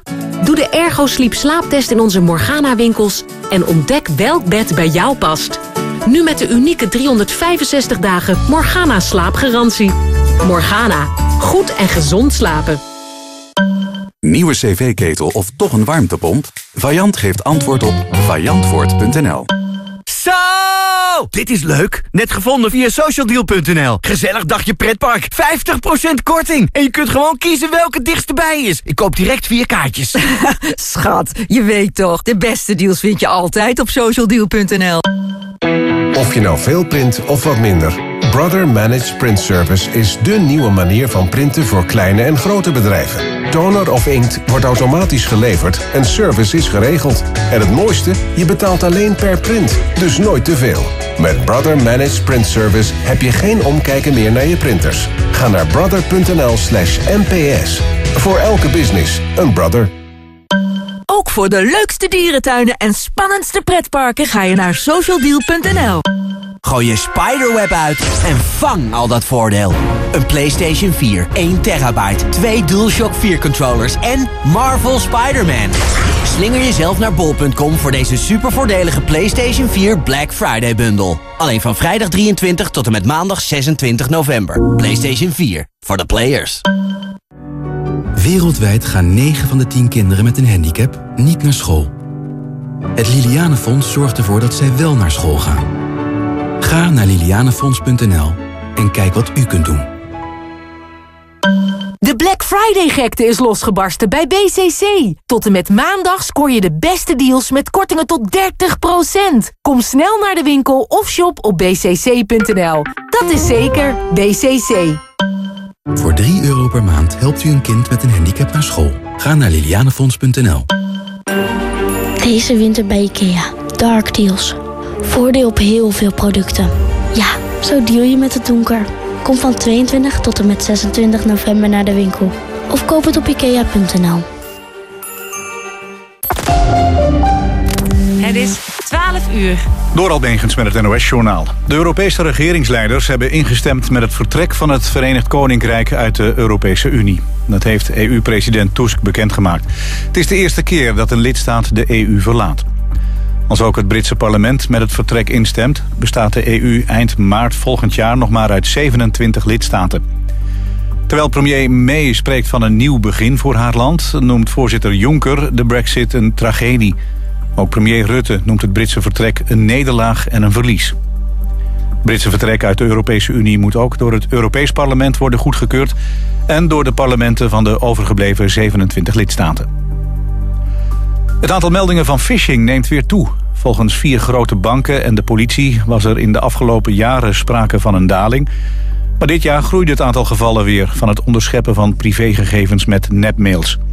De politie kan geen exacte aantallen geven, omdat phishing in verschillende categorieën wordt geregistreerd, maar ervaart zeker een toename. Dat blijkt ook uit de fraudecijfers. In de eerste helft van dit jaar werd voor ruim anderhalf miljoen euro gefraudeerd. Dat is meer dan in heel 2017. De Nederlandse Vereniging van Banken spreekt dan ook van een sterke toename. Rusland zegt dat opstandelingen in Syrië gisteravond laat... vanuit de gedemilitariseerde zone in de provincie Idlib... raketten met chlorine hebben afgevuurd op de miljoenenstad Aleppo. Zeker 46 mensen zouden gewond zijn geraakt. De Russen zeggen dat de aanval kwam vanuit een gebied dat gecontroleerd wordt... door rebellenbeweging Al-Nusra. De rebellen spreken van leugens. Het dodental van de bootramp op het Victoriameer in Oeganda is opgelopen tot 29. Waarschijnlijk zijn er meer doden, want er worden nog mensen vermist. Het schip kapseisde gisteren in de buurt van de Oegandese hoofdstad Kampala. Er waren veel te veel mensen aan boord en de schipper kwam door het slechte weer in de problemen, zegt de politie. Het weer bewolkt, maar het blijft nagenoeg droog. Het wordt graad of 5. Morgen blijft het grijs en kil bij dezelfde temperatuur. Dit was het NOS Journaal. De badkamerspecialist van ontwerp tot realisatie. Ga naar Technisch Bureau Aarts in Borren. Met Renault wordt deze winter een magisch avontuur. Want als je nu de wintercheck doet, krijg je tot wel 70% korting op meer dan 100 winterse uitjes. Zo vaak als je wilt. En je maakt kans op een compleet verzorgd verblijf in Village Natuur Paris bij Disneyland Parijs. Klaar voor een beetje magie? Maak dan nu een afspraak voor de wintercheck. Bekijk de voorwaarden op Renault.nl. All-inclusive ertussenuit? Kom naar Woenderland Kokar, net over de grens bij Arnhem. All-inclusive genieten van verschillende restaurants, bars, een bowlingbaan, geweldig pretpark en een mooie omgeving aan de Rijn. Boek nu op woenderlandkokar.eu de beste deal. Goede zorg is belangrijk voor jezelf en voor de mensen om je heen. Met onze zorgverzekeringen ben je verzekerd van goede zorg voor een scherpe prijs. En je regelt alles voor de hele familie eenvoudig online of in onze app. Alles voor elkaar noemen we dat. Kom langs in een van onze winkels of kies je zorgverzekering op unive.nl slash zorg. Unive, daar plukt u de vruchten van. Een verblijf bij Woenderland Kokar doet wonderen. Boek nu op woenderlandkokar.eu. Black Friday bij Easy Paris Excel. Daarom tot en met maandag 25% korting op echt alles. Geen uitzonderingen. Kom naar de winkel of kijk op easyparisexcel.nl. Oh, het riool is verstopt. Riool verstopt? Geen stress. Bel RRS. Rioolreinigingsservice RRS. Voor elk rioolprobleem. Ik zie, ik zie wat jij niet ziet. Een gecontroleerde kilometerstand. Autotrack checkt wat jou misschien niet opvalt bij de aanschaf van een auto. We checken hem van de eerste eigenaar tot de laatste keuring. Inclusief een volledig gratis Carfax-rapport. Op zoek naar een auto? Check, check. Autotrack. Rioolprobleem? Geen stress. Bel RRS. RRS.nl Grote keukens, kleine keukens, landelijke keukens. Je vindt ze allemaal bij de nummer 1 van Nederland. Al onze keukens zijn gemaakt in onze eigen fabriek. En die bieden we nu aan met 40% korting en de montage voor slechts 1 euro. Keukenkampioen. Kampioen in keukens. Als hardwerkende vakman kun je wel eens een extraatje gebruiken. Daarom profiteer je bij aanschaf van een nieuwe Renault Kangoo, Trafiek of Master... van extra voordeel tot wel 6000 euro, inclusief een laadruimtepakket. Leasen kan al vanaf 99 euro per maand. Renault Bedrijfswagens, voor de vakman. Let op, dit aanbod geldt tot en met 30 november. Bekijk de voorwaarden op Renault.nl.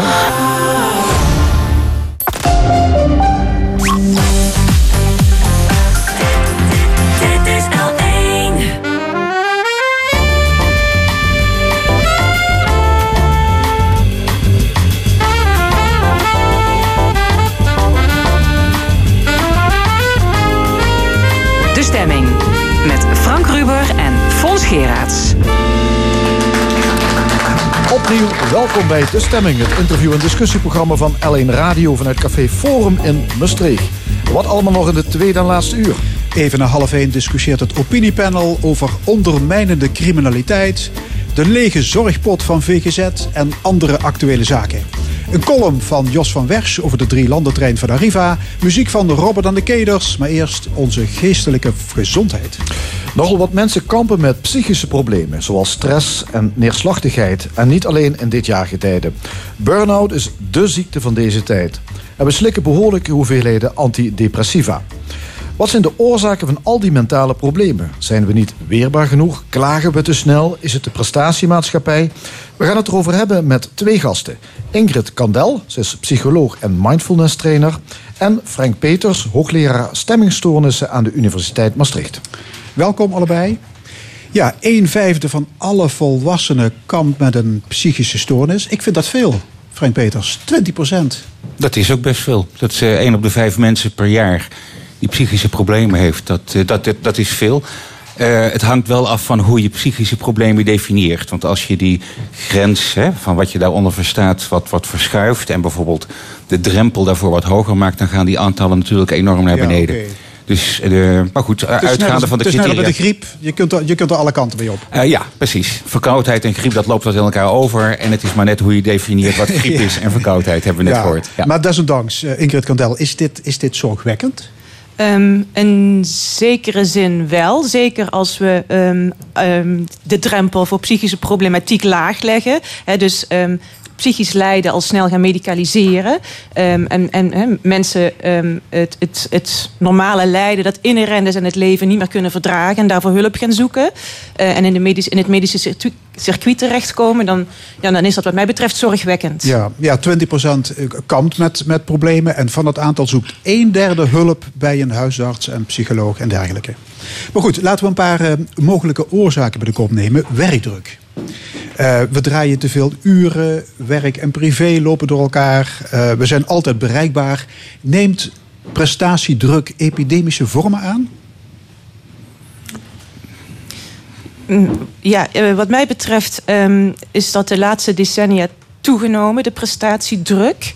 Um, als ik bijvoorbeeld zie wat er gaande is op de universiteit waar ik lang gewerkt heb, hè, dan wordt er heel veel nadruk gelegd op excelleren. Hè, dus um, uh, studenten worden niet meer zomaar toegelaten. Uh, het hangt af van hun cijfers. Er zijn allerlei specialistische programma's voor excellente studenten. Dat uh, legt enorm veel druk. Ik denk dat dat niet alleen geldt voor de universiteit en voor de studenten, maar dat dat ook um, ja, in allerlei bedrijven gaande is. Dat excelleren um, ja, aangemoedigd wordt. Um, uh, en, en dat legt een druk op, uh, uh, op ons. Um, ja, dus ik denk inderdaad dat dat gaande is. Ja, de, ja. de ziekte van deze tijd is burn-out. Dat is een mentale uitputtingstoestand. opgebrand door je werk. Is dat een goede omschrijving? Niet per definitie. Opgebrand wel. Je zou een burn-out kunnen zien als een energiestoornis. De batterij is leeg. Het hoeft niet per definitie veroorzaakt te worden door werkdruk. Um, is wel wat vaak aan de hand is. Maar het kan evengoed de privé-situatie zijn die maakt dat iemand um, opgebrand raakt. Um, en ja, een lastige gezinssituatie waarbij er veel zorg wordt gevraagd um, in verband met um, uh, problemen binnen het gezin. Het kan ook evengoed leiden tot ja. uh, een burn-out. Ja. En, en de lat ligt denk ik op alle gebieden heel hoog. Want niet alleen op je werk. Hè, je, op de universiteit ligt de lat hoog en worden we afgerekend op onze, onze productie, zoals dat heet. Voor studenten geldt dat, maar dat geldt, dat geldt denk ik op, op gebieden thuis. Dat moet allemaal goed lopen. Uh, dus misschien is aansluitend. Het lijkt wel inderdaad alsof lijden en dingen niet helemaal, die niet helemaal goed gaan en lukken, alsof dat niet meer kan. Ja. dat, uh, nou, daar kom ik zo meteen op terug. Er is onlangs een boek verschenen, Fucking Druk heet dat. De schrijver, een psycholoog, die zegt: Onze hoofden zitten vol, te vol. We lijden aan FOMO. Fear of missing out. Hmm. Maar zegt hij, druk zijn is een keuze. Mensen moeten hun levensstijl omgooien. Eens? Oneens? Eens. Eens, ja. Ik denk dat druk zijn inderdaad een keuze is. Uh, het kan wel heel lastig zijn als de druk inderdaad druk zijn en de druk om je heen zo groot is dat je uh, ja, bijna, bijna gedwongen bent om te gaan presteren. En dan zul je dus wel een afwijkende houding moeten gaan nemen en zeggen van ja, ik doe hier niet aan mee. Ja, hij zegt toch, het is een statussymbool geworden. Absoluut. Het leven absoluut. om te werken in plaats van andersom. En hij adviseert meer focus, meer ontspanning. Mee eens. Ehm, er ligt een druk op druk zijn. Eh, het is bijna not done. Eh, als iemand aan je vraagt hoe is het met je, als je zegt van nou ik verveel me eigenlijk, of ehm, als iemand vraagt kunnen we een afspraak maken, als je meteen de dag daarna beschikbaar bent. Ehm, het druk hebben is een soort eh, inderdaad status. Ja, aan de andere kant kun je zeggen, ja, hoe, hoe moet je dat dan doen? Als je fulltime werk hebt, drie kinderen, misschien nog mantelzorg, dan is het makkelijk praten. Ja, dan is het ook makkelijk praten. Dus dat betekent dat je goed moet nadenken of je inderdaad al die dingen wel zo optimaal mogelijk kunt doen. Ja, een dag heeft maar 24 uur. Ja.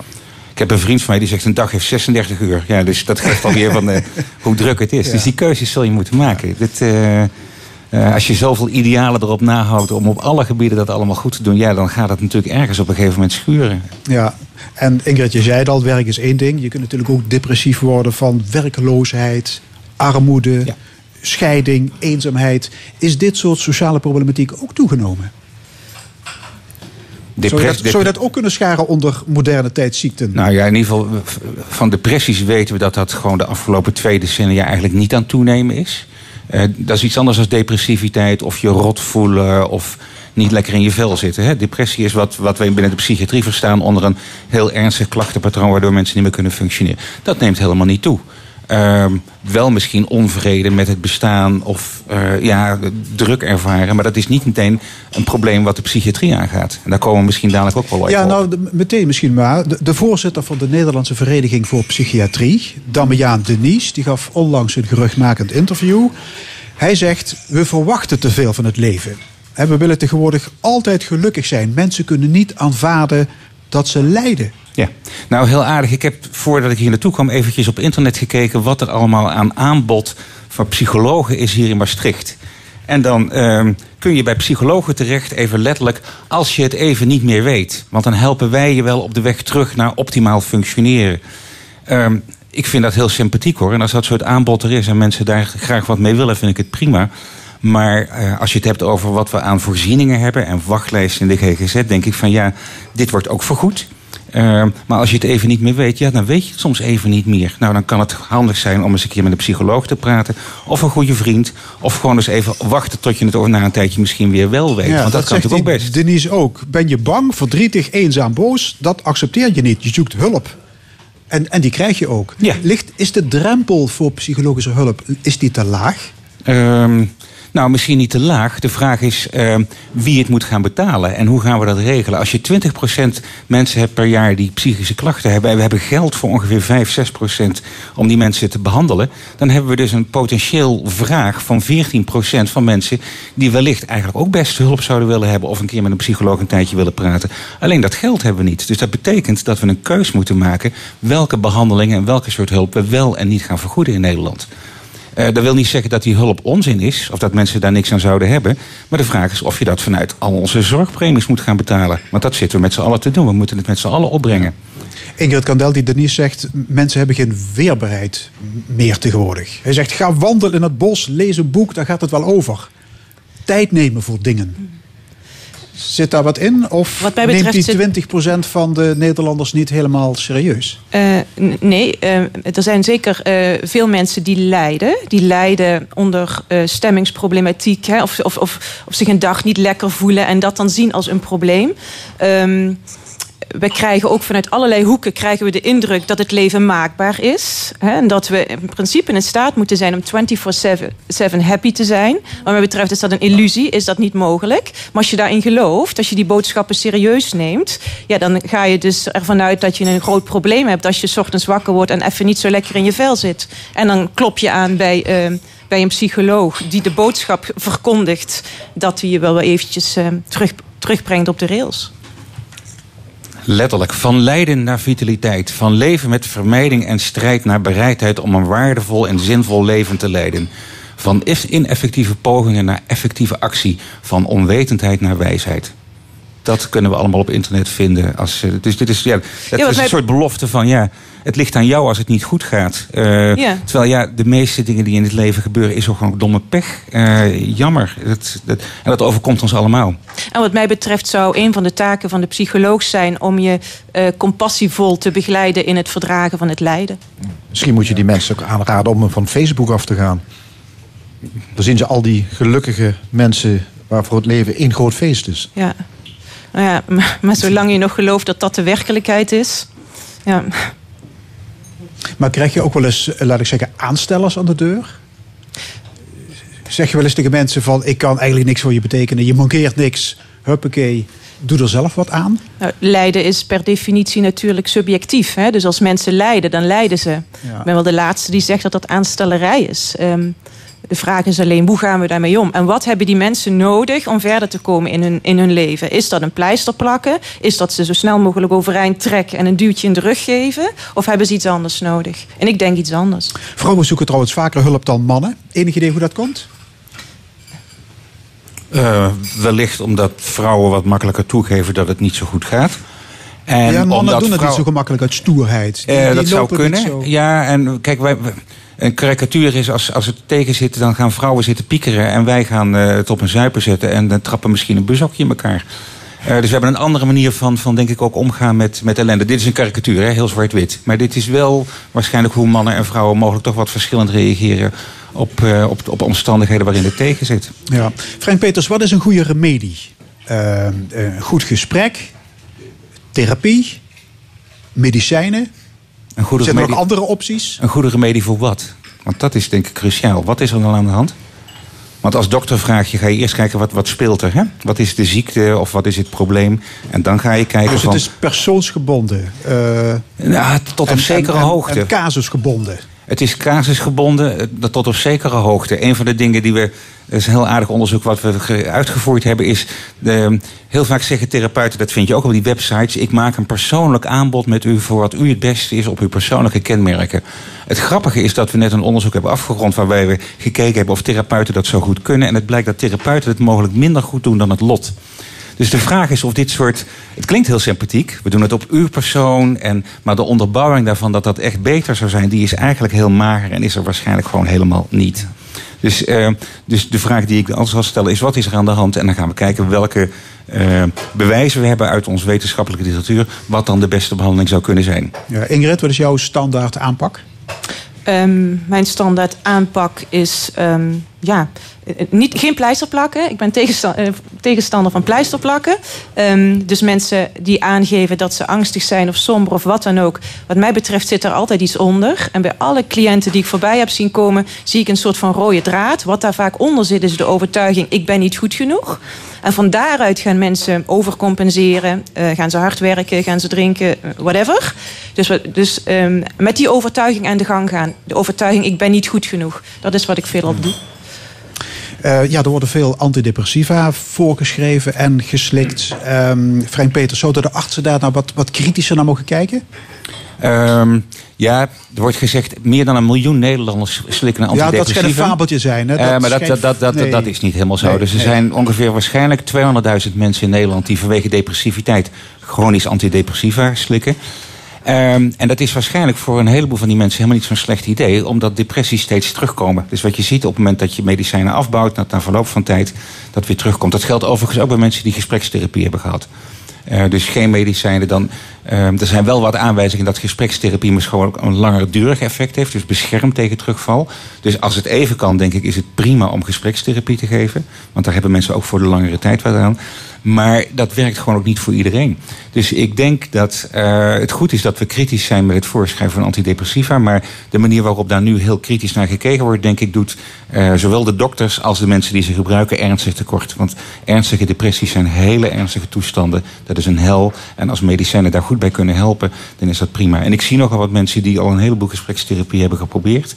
Hier in het academisch ziekenhuis. Die uitstekend met bijvoorbeeld medicijnen geholpen zijn. En zeggen, dit had ik misschien jaren eerder moeten doen. Want dit heeft zoveel ellende voorkomen. Ingrid Kandel, antidepressiva. Hmm, hangt, er, hangt er helemaal vanaf um, om welke cliënt dat het gaat. Niet bij de eerste de beste somberheid of bij de eerste de beste dip is dat wat er moet gebeuren. Ja, daar kan ik helemaal bij aansluiten. Ja. Dan technieken als eh, mindfulness, eh, yoga, meditatie. Kunnen die zorgen voor verlichting van psychische klachten? Wat mij betreft gaat het bij yoga, meditatie, mindfulness niet om het verlicht, niet direct om het verlichten van psychische klachten. Het gaat om het verdragen van dat wat er is. Dus of het nu gaat om eh, een, een somberheid of een angst of een, of een onzekerheid of wat dan ook. Deze technieken helpen om je daar bewust van te worden en om, om dat te verdragen. En ik denk dat het een mooie ehm, eh, weg zou kunnen zijn voor, voor ieder mens om die te bewandelen, eventueel parallel aan een andere weg. Mindfulness werkt tegen depressiviteit. En mindfulness is ook als mensen weer uit de put zijn. Een techniek die voor een gedeelte van de mensen helpt om te zorgen dat er niet opnieuw depressies komen. Dus ik vind het een eh, uitstekende aanvulling van datgene wat we allemaal al in de geestelijke gezondheidszorg hebben. Ingrid, jij bent mindfulness trainer. Eh, in je folder staat dat je daardoor meer in het hier en in het nu gaat leven. Ik citeer: Je wordt rustiger en maakt bewustere keuzes. Komen we dan op het terrein van de zingeving? Uh, ook. Um, vaak um, zijn we ons helemaal niet bewust van het moment. Leven als het ware op de automatische piloot. Leven we op basis van onze conditionering. Um, op het moment dat je meer in het nu kunt leven, ja, het enige moment dat we eigenlijk hebben, en je meer bewust wordt van je uh, overtuigingen, van je gedachten, van je gevoelens, kun je ook bewustere keuzes maken van en, moment en tot moment. En die techniek is gewoon te leren. Die techniek is te leren, ja. is helemaal niet zo moeilijk. Uh, je schrijft een blog. En pas geleden had je het over een val die je hebt gemaakt. Mm -hmm. uh, die moet ik niet letterlijk nemen, maar, maar figuurlijk. Hè. Je zat in de, in de put, een moeilijke periode. Klopt. En je vindt dat je na een val over een steen beter een tijdje kunt blijven liggen.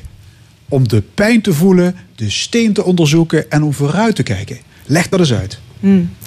Ja, um, dus ik baseer dit op mijn eigen ervaring en ook op uh, basis van verhalen van andere mensen om mij heen. Um, ik vond het niet fijn om lang op de grond te liggen, maar dat heeft me wel heel veel gebracht. Inderdaad, doordat ik op die manier gedwongen werd om stil te staan bij dat wat ik voelde op dat moment. Te onderzoeken hoe het überhaupt zover was gekomen dat ik daar lag. Mezelf de vraag te stellen, hoe kom ik overeind en wat staat me vervolgens te doen. Ik ben van mening dat in de, in de geestelijke gezondheidszorg dat vaak niet gebeurt door psychologen. Dat psychologen hun cliënten vaak niet op de grond houden, maar ze zo snel mogelijk overeind willen trekken. Uh, dat heeft allerlei redenen. Ook psychologen willen scoren. Die willen laten zien aan hun werkgever of, uh, of aan de zorgverzekeraar dat ze het goed doen. Dus ze willen in korte tijd uh, middels cijfers laten zien dat ze hun cliënt weer geholpen hebben. Cliënten willen dat zelf ook. Die willen zich ook beter voelen. En ik denk dat dat een hele korte, een, een, een, op korte termijn uh, effectief is, maar op lange termijn niet. Op lange termijn is het veel helpender dat je een tijdje lang stilstaat om te onderzoeken, naar binnen te keren en dan pas weer verder te ja, gaan. Ja, een heel interessante. Frank Peters, hoogleraar psychiatrie. Hoe kijk je daar tegenaan? De witte jassen moeten niet te snel aan actie komen. De patiënt moet gewoon een tijdje blijven liggen. Um, als je, ik praat eventjes over depressie. Als je depressie ziet als een psychologische aanpassing aan nare omstandigheden, dat betekent dat, dat die nare gevoelens je ook uitnodigen om te denken: wat is er nou eigenlijk aan de hand? Je reageert niet voor niks met depressie. Waarom, waarom kunnen mensen nog steeds depressief worden? Waarschijnlijk omdat het ook een signaal is dat er iets aan het spelen is, dat het tegen zit. En dat kan, dat hoeft overigens niet bij iedereen te betekenen dat je gaat stilstaan bij wat voor leven ben ik nu aan het leiden? Wat zijn eigenlijk mijn doelen? Hoe vul ik mijn tijd? Wat is voor mij een zinvol bestaan? Dat kan een uitstekende vraag zijn. En als het dan goed is om een tijdje wat op de grond te liggen, zoals jij noemt, of je een tijdje gewoon echt slecht te voelen. Uh, dat, dat, kan, ja, dat kan helpen om daarna te denken van god, wat zijn voor mij de belangrijke waarden in mijn leven en hoe wil ik mijn leven vormgeven.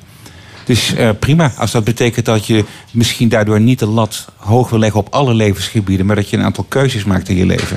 Nou, dat kan dat bijdragen aan een, aan een leven waarin je misschien minder psychische klachten uiteindelijk gaat hebben. Dus prima. Dat is overigens niet een pleidooi om maar heel lang klachten te blijven houden. Of, goh, mevrouw, meneer, u bent heel erg suicidaal, u wil u doodmaken. Laten we dat maar een tijdje houden. Want de andere kant natuurlijk wel is dat het lijden heel groot is. Dus als mensen bij mij komen van, ik wil daar graag dat, dat, dat het met me beter gaat, zal ik daar met hun aan werken. Maar dan is de vraag natuurlijk ook van, wat is er nou eigenlijk gebeurd dat je in de put zit? En als ik het heb over een tijdje op de grond blijven liggen, dan zou dat ook niet mijn advies zijn voor suïcidale cliënten of psychotische nee, je net patiënten. ook een beetje alles op één. Ja, ja. Dat, dat, is het risico, hè? Ja, dat, dat krijg je nu eenmaal. Ja. Ingrid, heb je veel reacties gehad op die blog? Uh, ik heb daar veel re positieve reacties op gehad. En ja. uh, ook van uh, mensen die zeiden: Oh, maar dat is dus in mijn verleden niet goed gegaan. Ik ben heel, veel te snel ben ik weer opgestaan en ben ik weer door gaan hobbelen. Om vervolgens een paar maanden later weer opnieuw onderuit te gaan.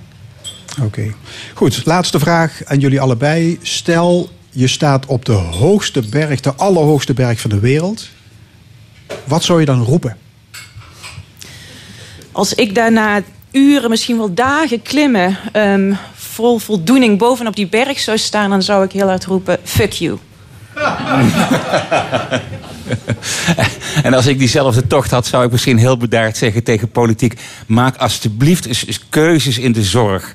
Doe niet alsof wat huidafwijkingen hetzelfde zijn als ernstige vormen van kanker hebben. En al die mensen allemaal op een wachtlijst zetten. Als we met de geestelijke gezondheidszorg zo zouden omgaan als met de andere gezondheidszorg, dan zou het denk ik een stuk beter gaan in Nederland met onze keuzes en, En dat onze roep wachtlijsten. allemaal vanaf die hoge, Jazeker, en, bergtop. en daar heb ik een microfoon voor, dus dat wordt nu echt prachtig versterkt. Ja. Hartelijk dank, psycholoog Ingrid Kandel en hoogleraar psychiatrie Frank Peters. En dit is de stemming. We zijn er nog tot 1 uur. Op het podium hier van Café Forum staat vandaag de formatie Robert en de Keders. En hier zijn ze met Zombie Invasion Baby.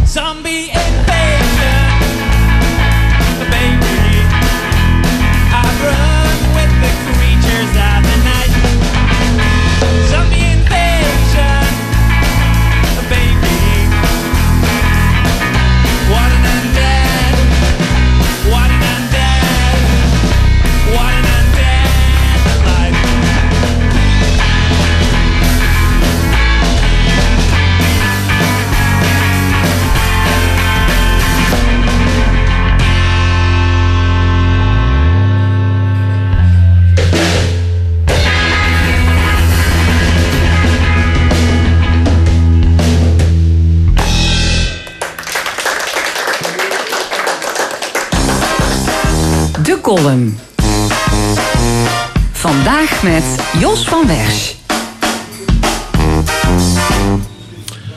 dat eh, Twan Huis elke vrijdagavond Patty Bracht als vaste tafelgast moest dulden in zijn RTL Late Night Show.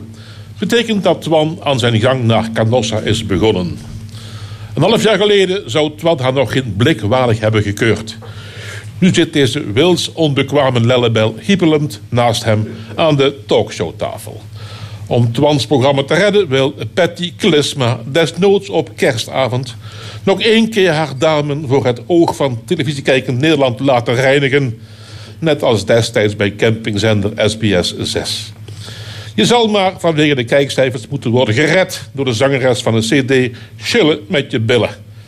Maar Twan denkt pecunia non olet in tegenstelling tot in Klisma. Al even pijnlijk, breaking news ging over een lullig spoorlijntje. Toen Vincent van Gogh werd geboren, 165 jaar geleden, had onze provincie in nationale primeur, nationale primeur. Dat jaar werd de eerste grote spoorlijn buitenland van ons land geopend op Limburgse bodem. Kaum een regio is zo grenzenloos wie deze regio, tetterde gouverneur Theo Bovens dit voorjaar nog op een verzameling in Duitsland. Want al in 1853, zei trotse Theo, was er een treintraject van Aken via Maastricht naar België. Het drielandentreintje van Arriva had eigenlijk begin dit jaar al moeten rijden tussen Aken, Heerlen, Maastricht en Luik. Dat lukte uiteraard niet, dus dan maar in december. Dat gaat lukken, dat wil zeggen tot Maastricht. Want het treintje mag niet doorrijden naar Luik, omdat de Belgen dwars liggen of zoiets. De treurnis rond dit treintje symboliseert het zoveelste failliet van wat ooit zo veelbelovend begon, de Euregio Maas-Rijn. Helaas na 40 jaar congresseren onder het motto Austrospesen nichts gewesen, is de Euregio verworden tot een scheldwoord. In Deutschland wohnen, in Holland einkaufen und in Belgien arbeiten. Das ist für viele Menschen zur Gewohnheit geworden, orakelt Bovens Net als zijn voorgangers Frissen, Van Voorst tot Voorst, Marstenbroek, Kemers en, maar dan om een andere reden, NSB-gouverneur Max de Marchand et Dansembourg. En dus, toen we dachten alles gehad te hebben, was er breaking news uit Kerkrade. In het stadion van Rode JC, beter gezegd van de gemeente Kerkrade, zullen de heaters voorlopig niet meer branden. Nu staat een winterse thuiswedstrijd van Roda sowieso al gelijk aan een forse taakstraf. Laat staan zonder warmtekacheltjes. Welke gek dat besluit genomen heeft. De G6 van Roda. De wat? De G6. Dat zijn zes mannen, eerst waren het er zeven, die allemaal vele malen miljonair zijn. Eentje is zelfs miljardair. In plaats van de inmiddels waardeloze aandelen van Frits Schroef en Mr. Korotayev te beheren, hadden jullie met z'n zessen ook kunnen zeggen: kom op, laten we duizend euro de man lappen. Om in ieder geval de heaters bij Rode aan de praat te houden. Want jullie kunnen wel heel gewichtig de G6 uithangen en koketteren met jullie plekje in de quote 500. Het is niet chic, heren, om de laatste der geel-zwarte Mohikanen te laten vernikkelen op de tribune. Ik vrees dat bij Roda's eerste thuiswedstrijd na de winterstop enkele bejaarde Koempel-supporters doodgevroren worden aangetroffen op de tribune die vernoemd is naar Theo Piquet. En die stond, geachte rijkaarts van het G6, nooit in de quote 500. De column van Jos van Wersch. U luistert naar L1, meer speciaal naar de stemming, live vanuit Café Forum in Maastricht. Ons laatste onderdeel is het discussiepanel. Ik heet van harte welkom eh, de volgende drie heaters. Teresa Hoepen, statenlid voor de PvdA. Cor Bosman, middenstander. En Loek Hustings, communicatieadviseur. Welkom alle drie eh, patiënten die zijn verzekerd bij VGZ, of een verzekeraar die daaronder valt. Die kunnen dit jaar niet meer voor alle ingrepen terecht bij de Zuiderland ziekenhuizen. Eh, de zorg die de verzekeraar heeft ingekocht bij die ziekenhuizen in uh, Geleen, Heerlen en Kerkrade, die is op. Ehm, ja, is het uit te leggen aan patiënten dat ze nu moeten wachten op een operatie, terwijl je toch gewoon wel elke maand je premie betaalt, uh? Ja, nee, uiteraard niet. Stel je nou toch voor. Ehm, ik ben ehm, van begin af aan altijd erg tegen de marktwerking in de gezondheidszorg geweest. Ik vind dat de gezondheidszorg moet medisch gestuurd worden en niet verzekeringstechnisch gestuurd. Dat zijn twee totaal verschillende dingen. Op het moment dat je de beslissing over welk te kiezen medicijn of welk te kiezen therapie overlaat aan de verzekering, zal een andere reden dan een medische reden een rol spelen. Als je dit verhaal nu doortrekt, dan zie je precies wat er gebeurt. Er zijn mensen die keurig premies afdragen. Die, omdat het toevallig zijn we op het einde van het jaar nu aan een medische behandeling toe zijn. Dan kunnen die die niet krijgen, omdat het budget van de verzekeraar al op zou zijn. Dat is dus niet uit te leggen. Nee, weet je wat dat is? Dat is een grof schandaal. Dat dat anno 2018 te Nederland kan plaatsvinden. En het is niet alleen dat dat nu bij één ziekenhuis aan de hand is of met één zorgverzekeraar. Dat gebeurt bij meerdere ziekenhuizen in de landen en bij meerdere zorgverzekeraars. Het systeem is dus uit de hand gelopen. Het past niet meer op het model. En ik vind dat dus, je zult hier maar in Nederland ziek worden. Dan ben je, zeker als het op het eind van het jaar is, niet in het ziekenhuis, maar in de aap gelogeerd. Ehm, wie, eh, wie heeft dan een andere mening over hier aan tafel? Nou, wel, ze lijken natuurlijk wel op elkaar, maar ik, ik zit er toch iets anders in. Wat mij gewoon verbaast in, dit, in deze hele discussie en ook wat je in de media terugziet, dat niemand nu gewoon vraagt van hoe kan dat nou? Kijk, we weten allemaal dat het zorgstelsel van ons onder druk staat. En mij verbaast me dat er dan niet gekeken wordt, hoe kan het zijn dat een, een, een ziekenhuis eigenlijk, eh, ja, hoe is het tot stand gekomen dat zij al over het budget heen zijn gekomen? Is dat omdat zij gewoon heel veel patiënten hebben? Is dat omdat onze regio misschien meer van dit soort patiënten heeft dan elders? Is het mismanagement of is het precies wat jij zegt, de marktwerking die nu van invloed is? Proberen ze gewoon alles binnen te harken wat maar binnen te harken is, is. En even los staat of het nou echt noodzakelijk is. Ik denk dat je daar eens serieus naar moet gaan kijken. Kijk, we roepen allemaal de zorg is te duur aan het worden. De zorg eh, werkt niet meer. We hebben een van de allerbeste zorgstelsels in de wereld. Daar mogen wij trots op zijn. Maar dat het langzaam de spuigaten uit aan het lopen is, mag wel duidelijk zijn. Maar zijn wij bereid om te kijken waar de echte problemen zitten. Want we blijven de marktwerking stimuleren. We blijven hè, de zorgverzekeraars de schuld geven. eh, de ziekenhuizen. Maar er gebeurt niks. Wij moeten met z'n allen serieus gaan kijken... welk stelsel past bij de huidige medische vraagstukken. Want laten we eerlijk zijn... Het zijn echt andere vraagstukken dan 20 jaar geleden. Zorg is veel uitgebreider geworden. Mensen blijven veel langer leven. Door nieuwe technologieën kunnen we steeds meer ziektes behandelen. De zorg die wij ooit hadden bedacht voor onze samenleving werkt niet meer. En kan ik dan boos zijn op zo'n ziekenhuis? Ik wil gewoon eens verdorie weten waar het mis is gegaan. Is het omdat zij voor het geld hebben gekozen? Dus gewoon puur het binnenharken van opdrachten. En dat een VGZ zegt: ja, hallo jongens. En nu zetten we de stop erop. Of is het dan andersom? Dat VGZ veel te weinig heeft ingekocht. Terwijl de problemen daar in die regio gewoon groter zijn. Waarom zullen we het daar niet eens over hebben? Waar het echt om gaat. Het is in elk geval al de derde keer op rij, hè, derde jaar op rij dat dit gebeurt. Dus wat dat betreft zouden VGZ en Zuiderland toch beter moeten weten, Cor Bosman.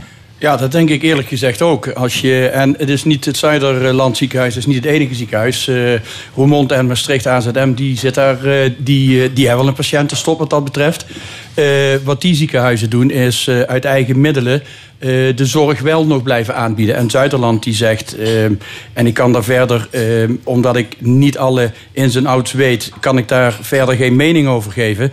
Eh, maar zij zeggen van dit is inderdaad al het derde jaar op rij dat dit gebeurt. Wij kunnen dit financieel gewoon niet meer dragen. Wat wel heel duidelijk is, is dat het stelsel wat wij in 2006 hebben gekozen, dus voor een zorgverzekering, dat dat onderhand wel nodig, hoognodig aan de revisie toe is. En dat we eens heel goed met z'n allen moeten gaan kijken van nou, waar liggen de sterke en waar liggen de zwakke punten. En dat we daar onze lering uit gaan trekken. Ja, wat ik vind, eh, daarbij komt... regeren is vooruitzien, zegt dat mooie spreekwoord. Hè? En als het nou al drie jaar op rij fout loopt... dan is er met dat vooruitzien iets misgegaan. Maar is dat met het bijstellen van het vooruitzien... gaat er permanent iets mis. En nogmaals, je zult het maar aan de hand hebben dat je iets mankeert. En dat je een operatie moet ondergaan. Wat allemaal geen pretje is, Ja, hoor. Want je gaat er niet voor je plezier het, naartoe. Het permanent misgaan, dat heeft natuurlijk wel te maken dat je met verschillende eh, spelers in dit veld te maken hebt, die allemaal hun eigen belangen hebben. Een ziekenhuis heeft een veel ander belang als een zorgverzekeraar. Daarbij vergeet ook niet de rol die de Nederlandse bank speelt, die gewoon de zorgverzekeraars oplegt van jongens, wij moeten een bepaalde oorlogskas hebben die op dit moment ongeveer rond de 10 miljard euro ligt. Dat geld ligt gewoon op de plank, maar daar mag niks mee gedaan worden. Dus het hele stelsel is dringend aan revisie toe. Ja, nou is het ook niet zo dat je als, dat je als patiënt niks kan. Want je kan natuurlijk elk jaar van zorg, ver- eh, zorgaanbieder kan je wisselen. Dus eh, ja, VGZ van de maakt- regen en de drup, wou je zeggen. Nou, ik weet het niet. Luister, als het op het einde van het jaar pas blijkt... dat een bepaalde eh, verzekeringsinstantie zich misgecalculeerd heeft... dan zit ik aan het begin van het jaar helemaal fout als ik die toevallig gekozen heb. Dus daar heb je allemaal niks aan. Het gaat erom dat, eh, naar mijn overtuiging... het systeem van die marktwerking niet deugt. En moet het een medisch gedreven systeem zijn... en niet een verzekeringsgedreven systeem. Dat is helemaal correct, want dat is wel de oorzaak wat, waarom het hier misgaat. Hè? En, en heel even los van eh, de keuze van zorgverzekeraar. Het zijn een paar grote waar alle andere lepeltjes onder hangen. Maar het inkopen van zorg is natuurlijk de meest complexe tak van sport die er maar is. En het wordt ook nog eens uitgevoerd door verschillende partijen. Dus ons zorgstelsel dat die complex en moeilijk in elkaar zit, mag is duidelijk. En dat de marktwerking niet in dit stelsel thuis hoort, daar ben ik helemaal mee eens. Ik, deel, ja, ik deel absoluut die mening. Ik heb het ook opgeschreven. Maar daar hangt wel de consequentie aan. Ik heb opgeschreven dat de zorg niet aan de marktwerking moet worden overgelaten. Ik denk dat de overheid dat die daar eh, ja, voor aan het roer zou moeten staan. Maar dat wij met z'n allen wel de consequenties daarvoor moeten aanvaarden. Dat daar ook een We hebben die prijskaartje aan hangt. marktwerking juist ingevoerd om de enorme kosten te drukken. Dat klopt. Want en die dat, liepen toch gierend de pan uit? Nou, dat klopt. En dat 80 is, miljard ja. geloof ik per jaar? Ja, dat is, ook ten dele, dat is ook ten dele gelukt. Maar aan ieder systeem zitten voor- en nadelen. En nogmaals, wat ik al een aantal keren heb gezegd... eh, de, de, de evaluatie van het hele gebeuren... het zal uiteraard zal het gebeuren... maar waarschijnlijk onvoldoende. Daardoor gebeuren dit soort dingen. Ja, maar jullie pleiten dus voor heropening van die hele zorgdiscussie. Absoluut. Moet- Oké. Goed, ander thema. Justitieminister Grapperhaus die trekt 100 miljoen euro uit voor de bestrijding van de georganiseerde drugscriminaliteit. Ja, ja. Limburg toucheert 10 miljoen, omdat Mhm. we hier veel last hebben van eh, drugsmisdaad. Is dat goed nieuws, Cor Bosman? 10 Ja. miljoen voor Limburg? Eh, ja, 10 miljoen is, eh, is een hele hoop geld. Het is eigenlijk 9 miljoen en dan structureel een half miljoen per jaar. Is heel veel. Maar ik moet daar even een kanttekening bij maken. Eh, als, als ik ga kijken naar de omschrijving van de ondermijnende criminaliteit... wat daarover geschreven staat... eh, dan dringt zich bij mij wel de vraag op van... Ja, zijn dat alleen de boeven... Maar zitten daar ook de grote banken bij? Zitten daar de grote instellingen bij? Want als ik naar de omschrijving ga kijken. Ondermijnende criminaliteit is misdaad die maatschappelijke structuren of het vertrouwen daarin schaadt. En we hebben pas geleden hebben een ING-schandaal gehad. eh, die dan hun fout met eh, 700 zoveel miljoen eh, kunnen afkopen. Dus mijn vraag is: van, ja, betreft het dan alleen de hennep, de drugs, eh, andere vormen? Want een bankinstelling doet daar ook net zo hard aan mee. En als dat daar ook onder valt, dan zijn die 10 miljoen maar een schijntje. Ja, dan kom je met die 10 miljoen niet uit.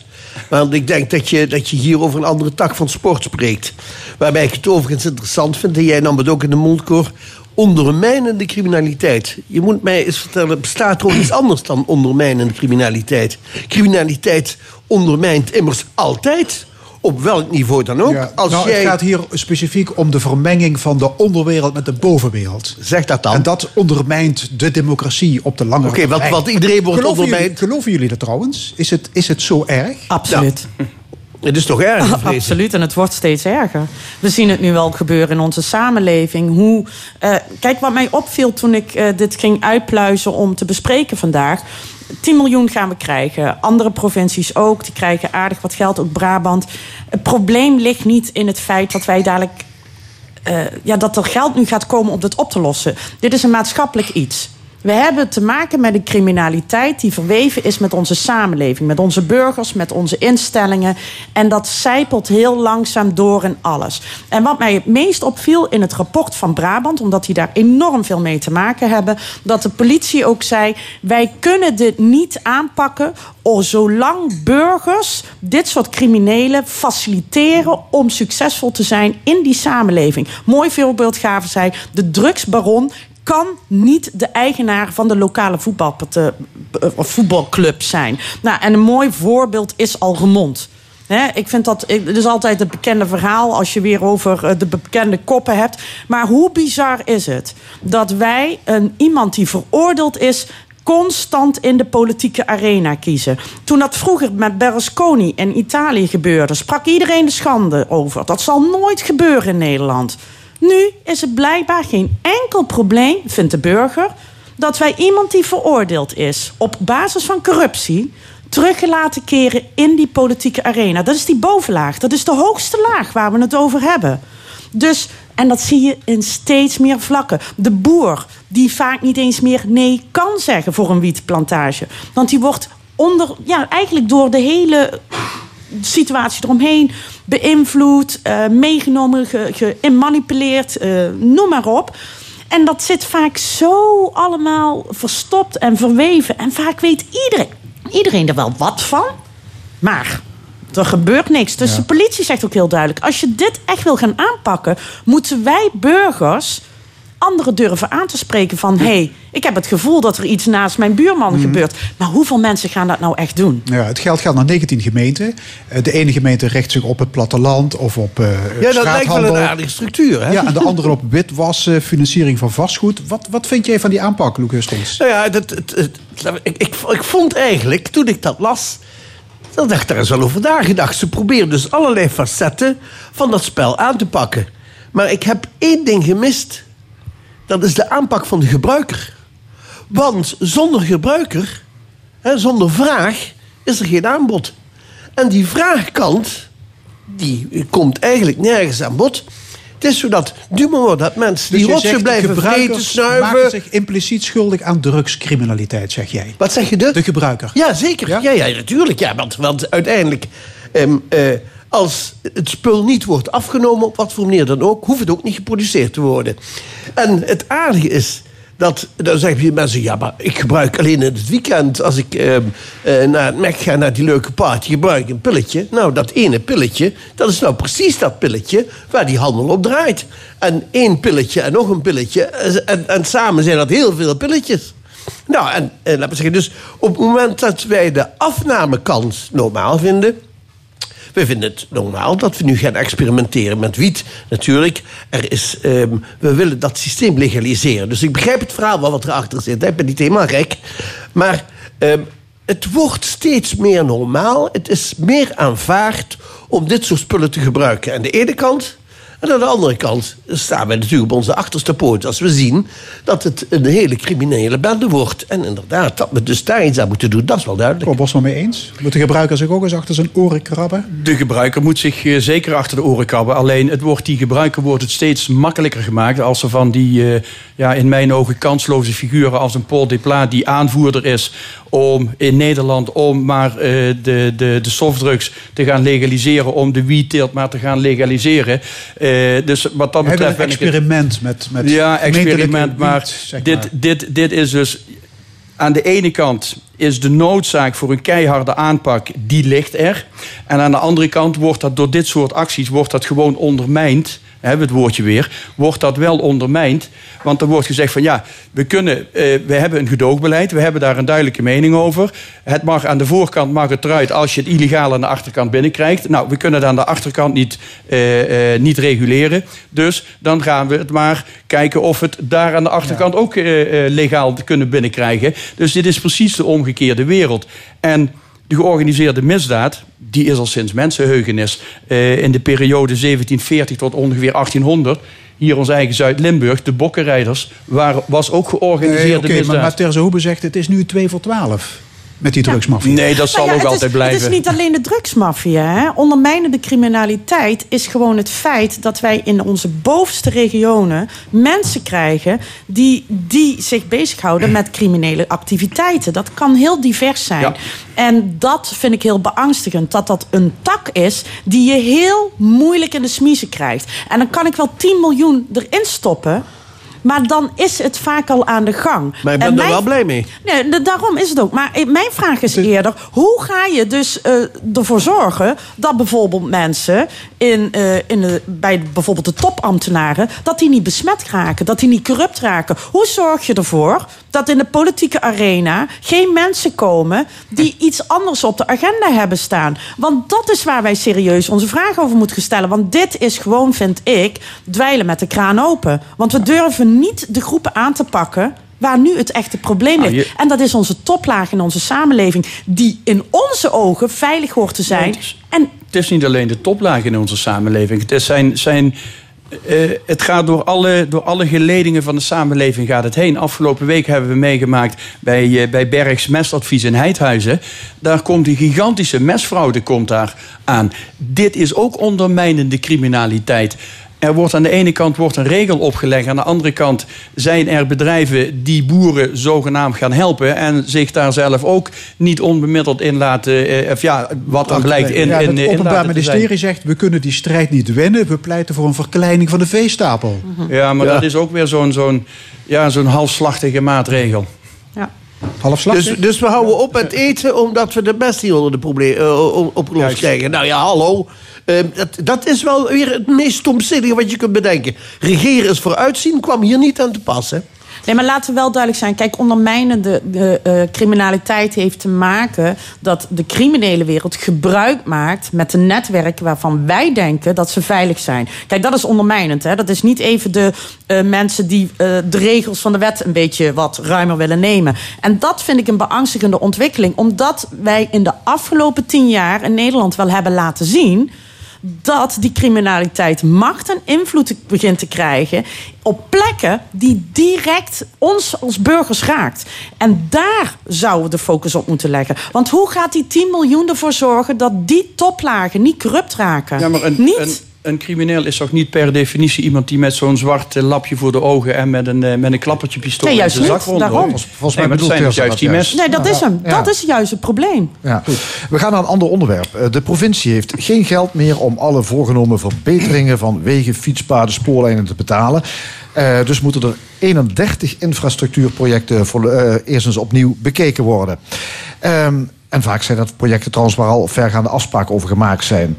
Ehm, hoe kan het volgens jullie dat opeens blijkt dat er geen geld is in het gouvernement? En dan hebben we het over 150 tot 200 miljoen. Wij dachten altijd hier aan tafel dat het geld tegen de plinten klotste daar. Klopt. Ter Zobe. Ja? Dat wordt ook gezegd.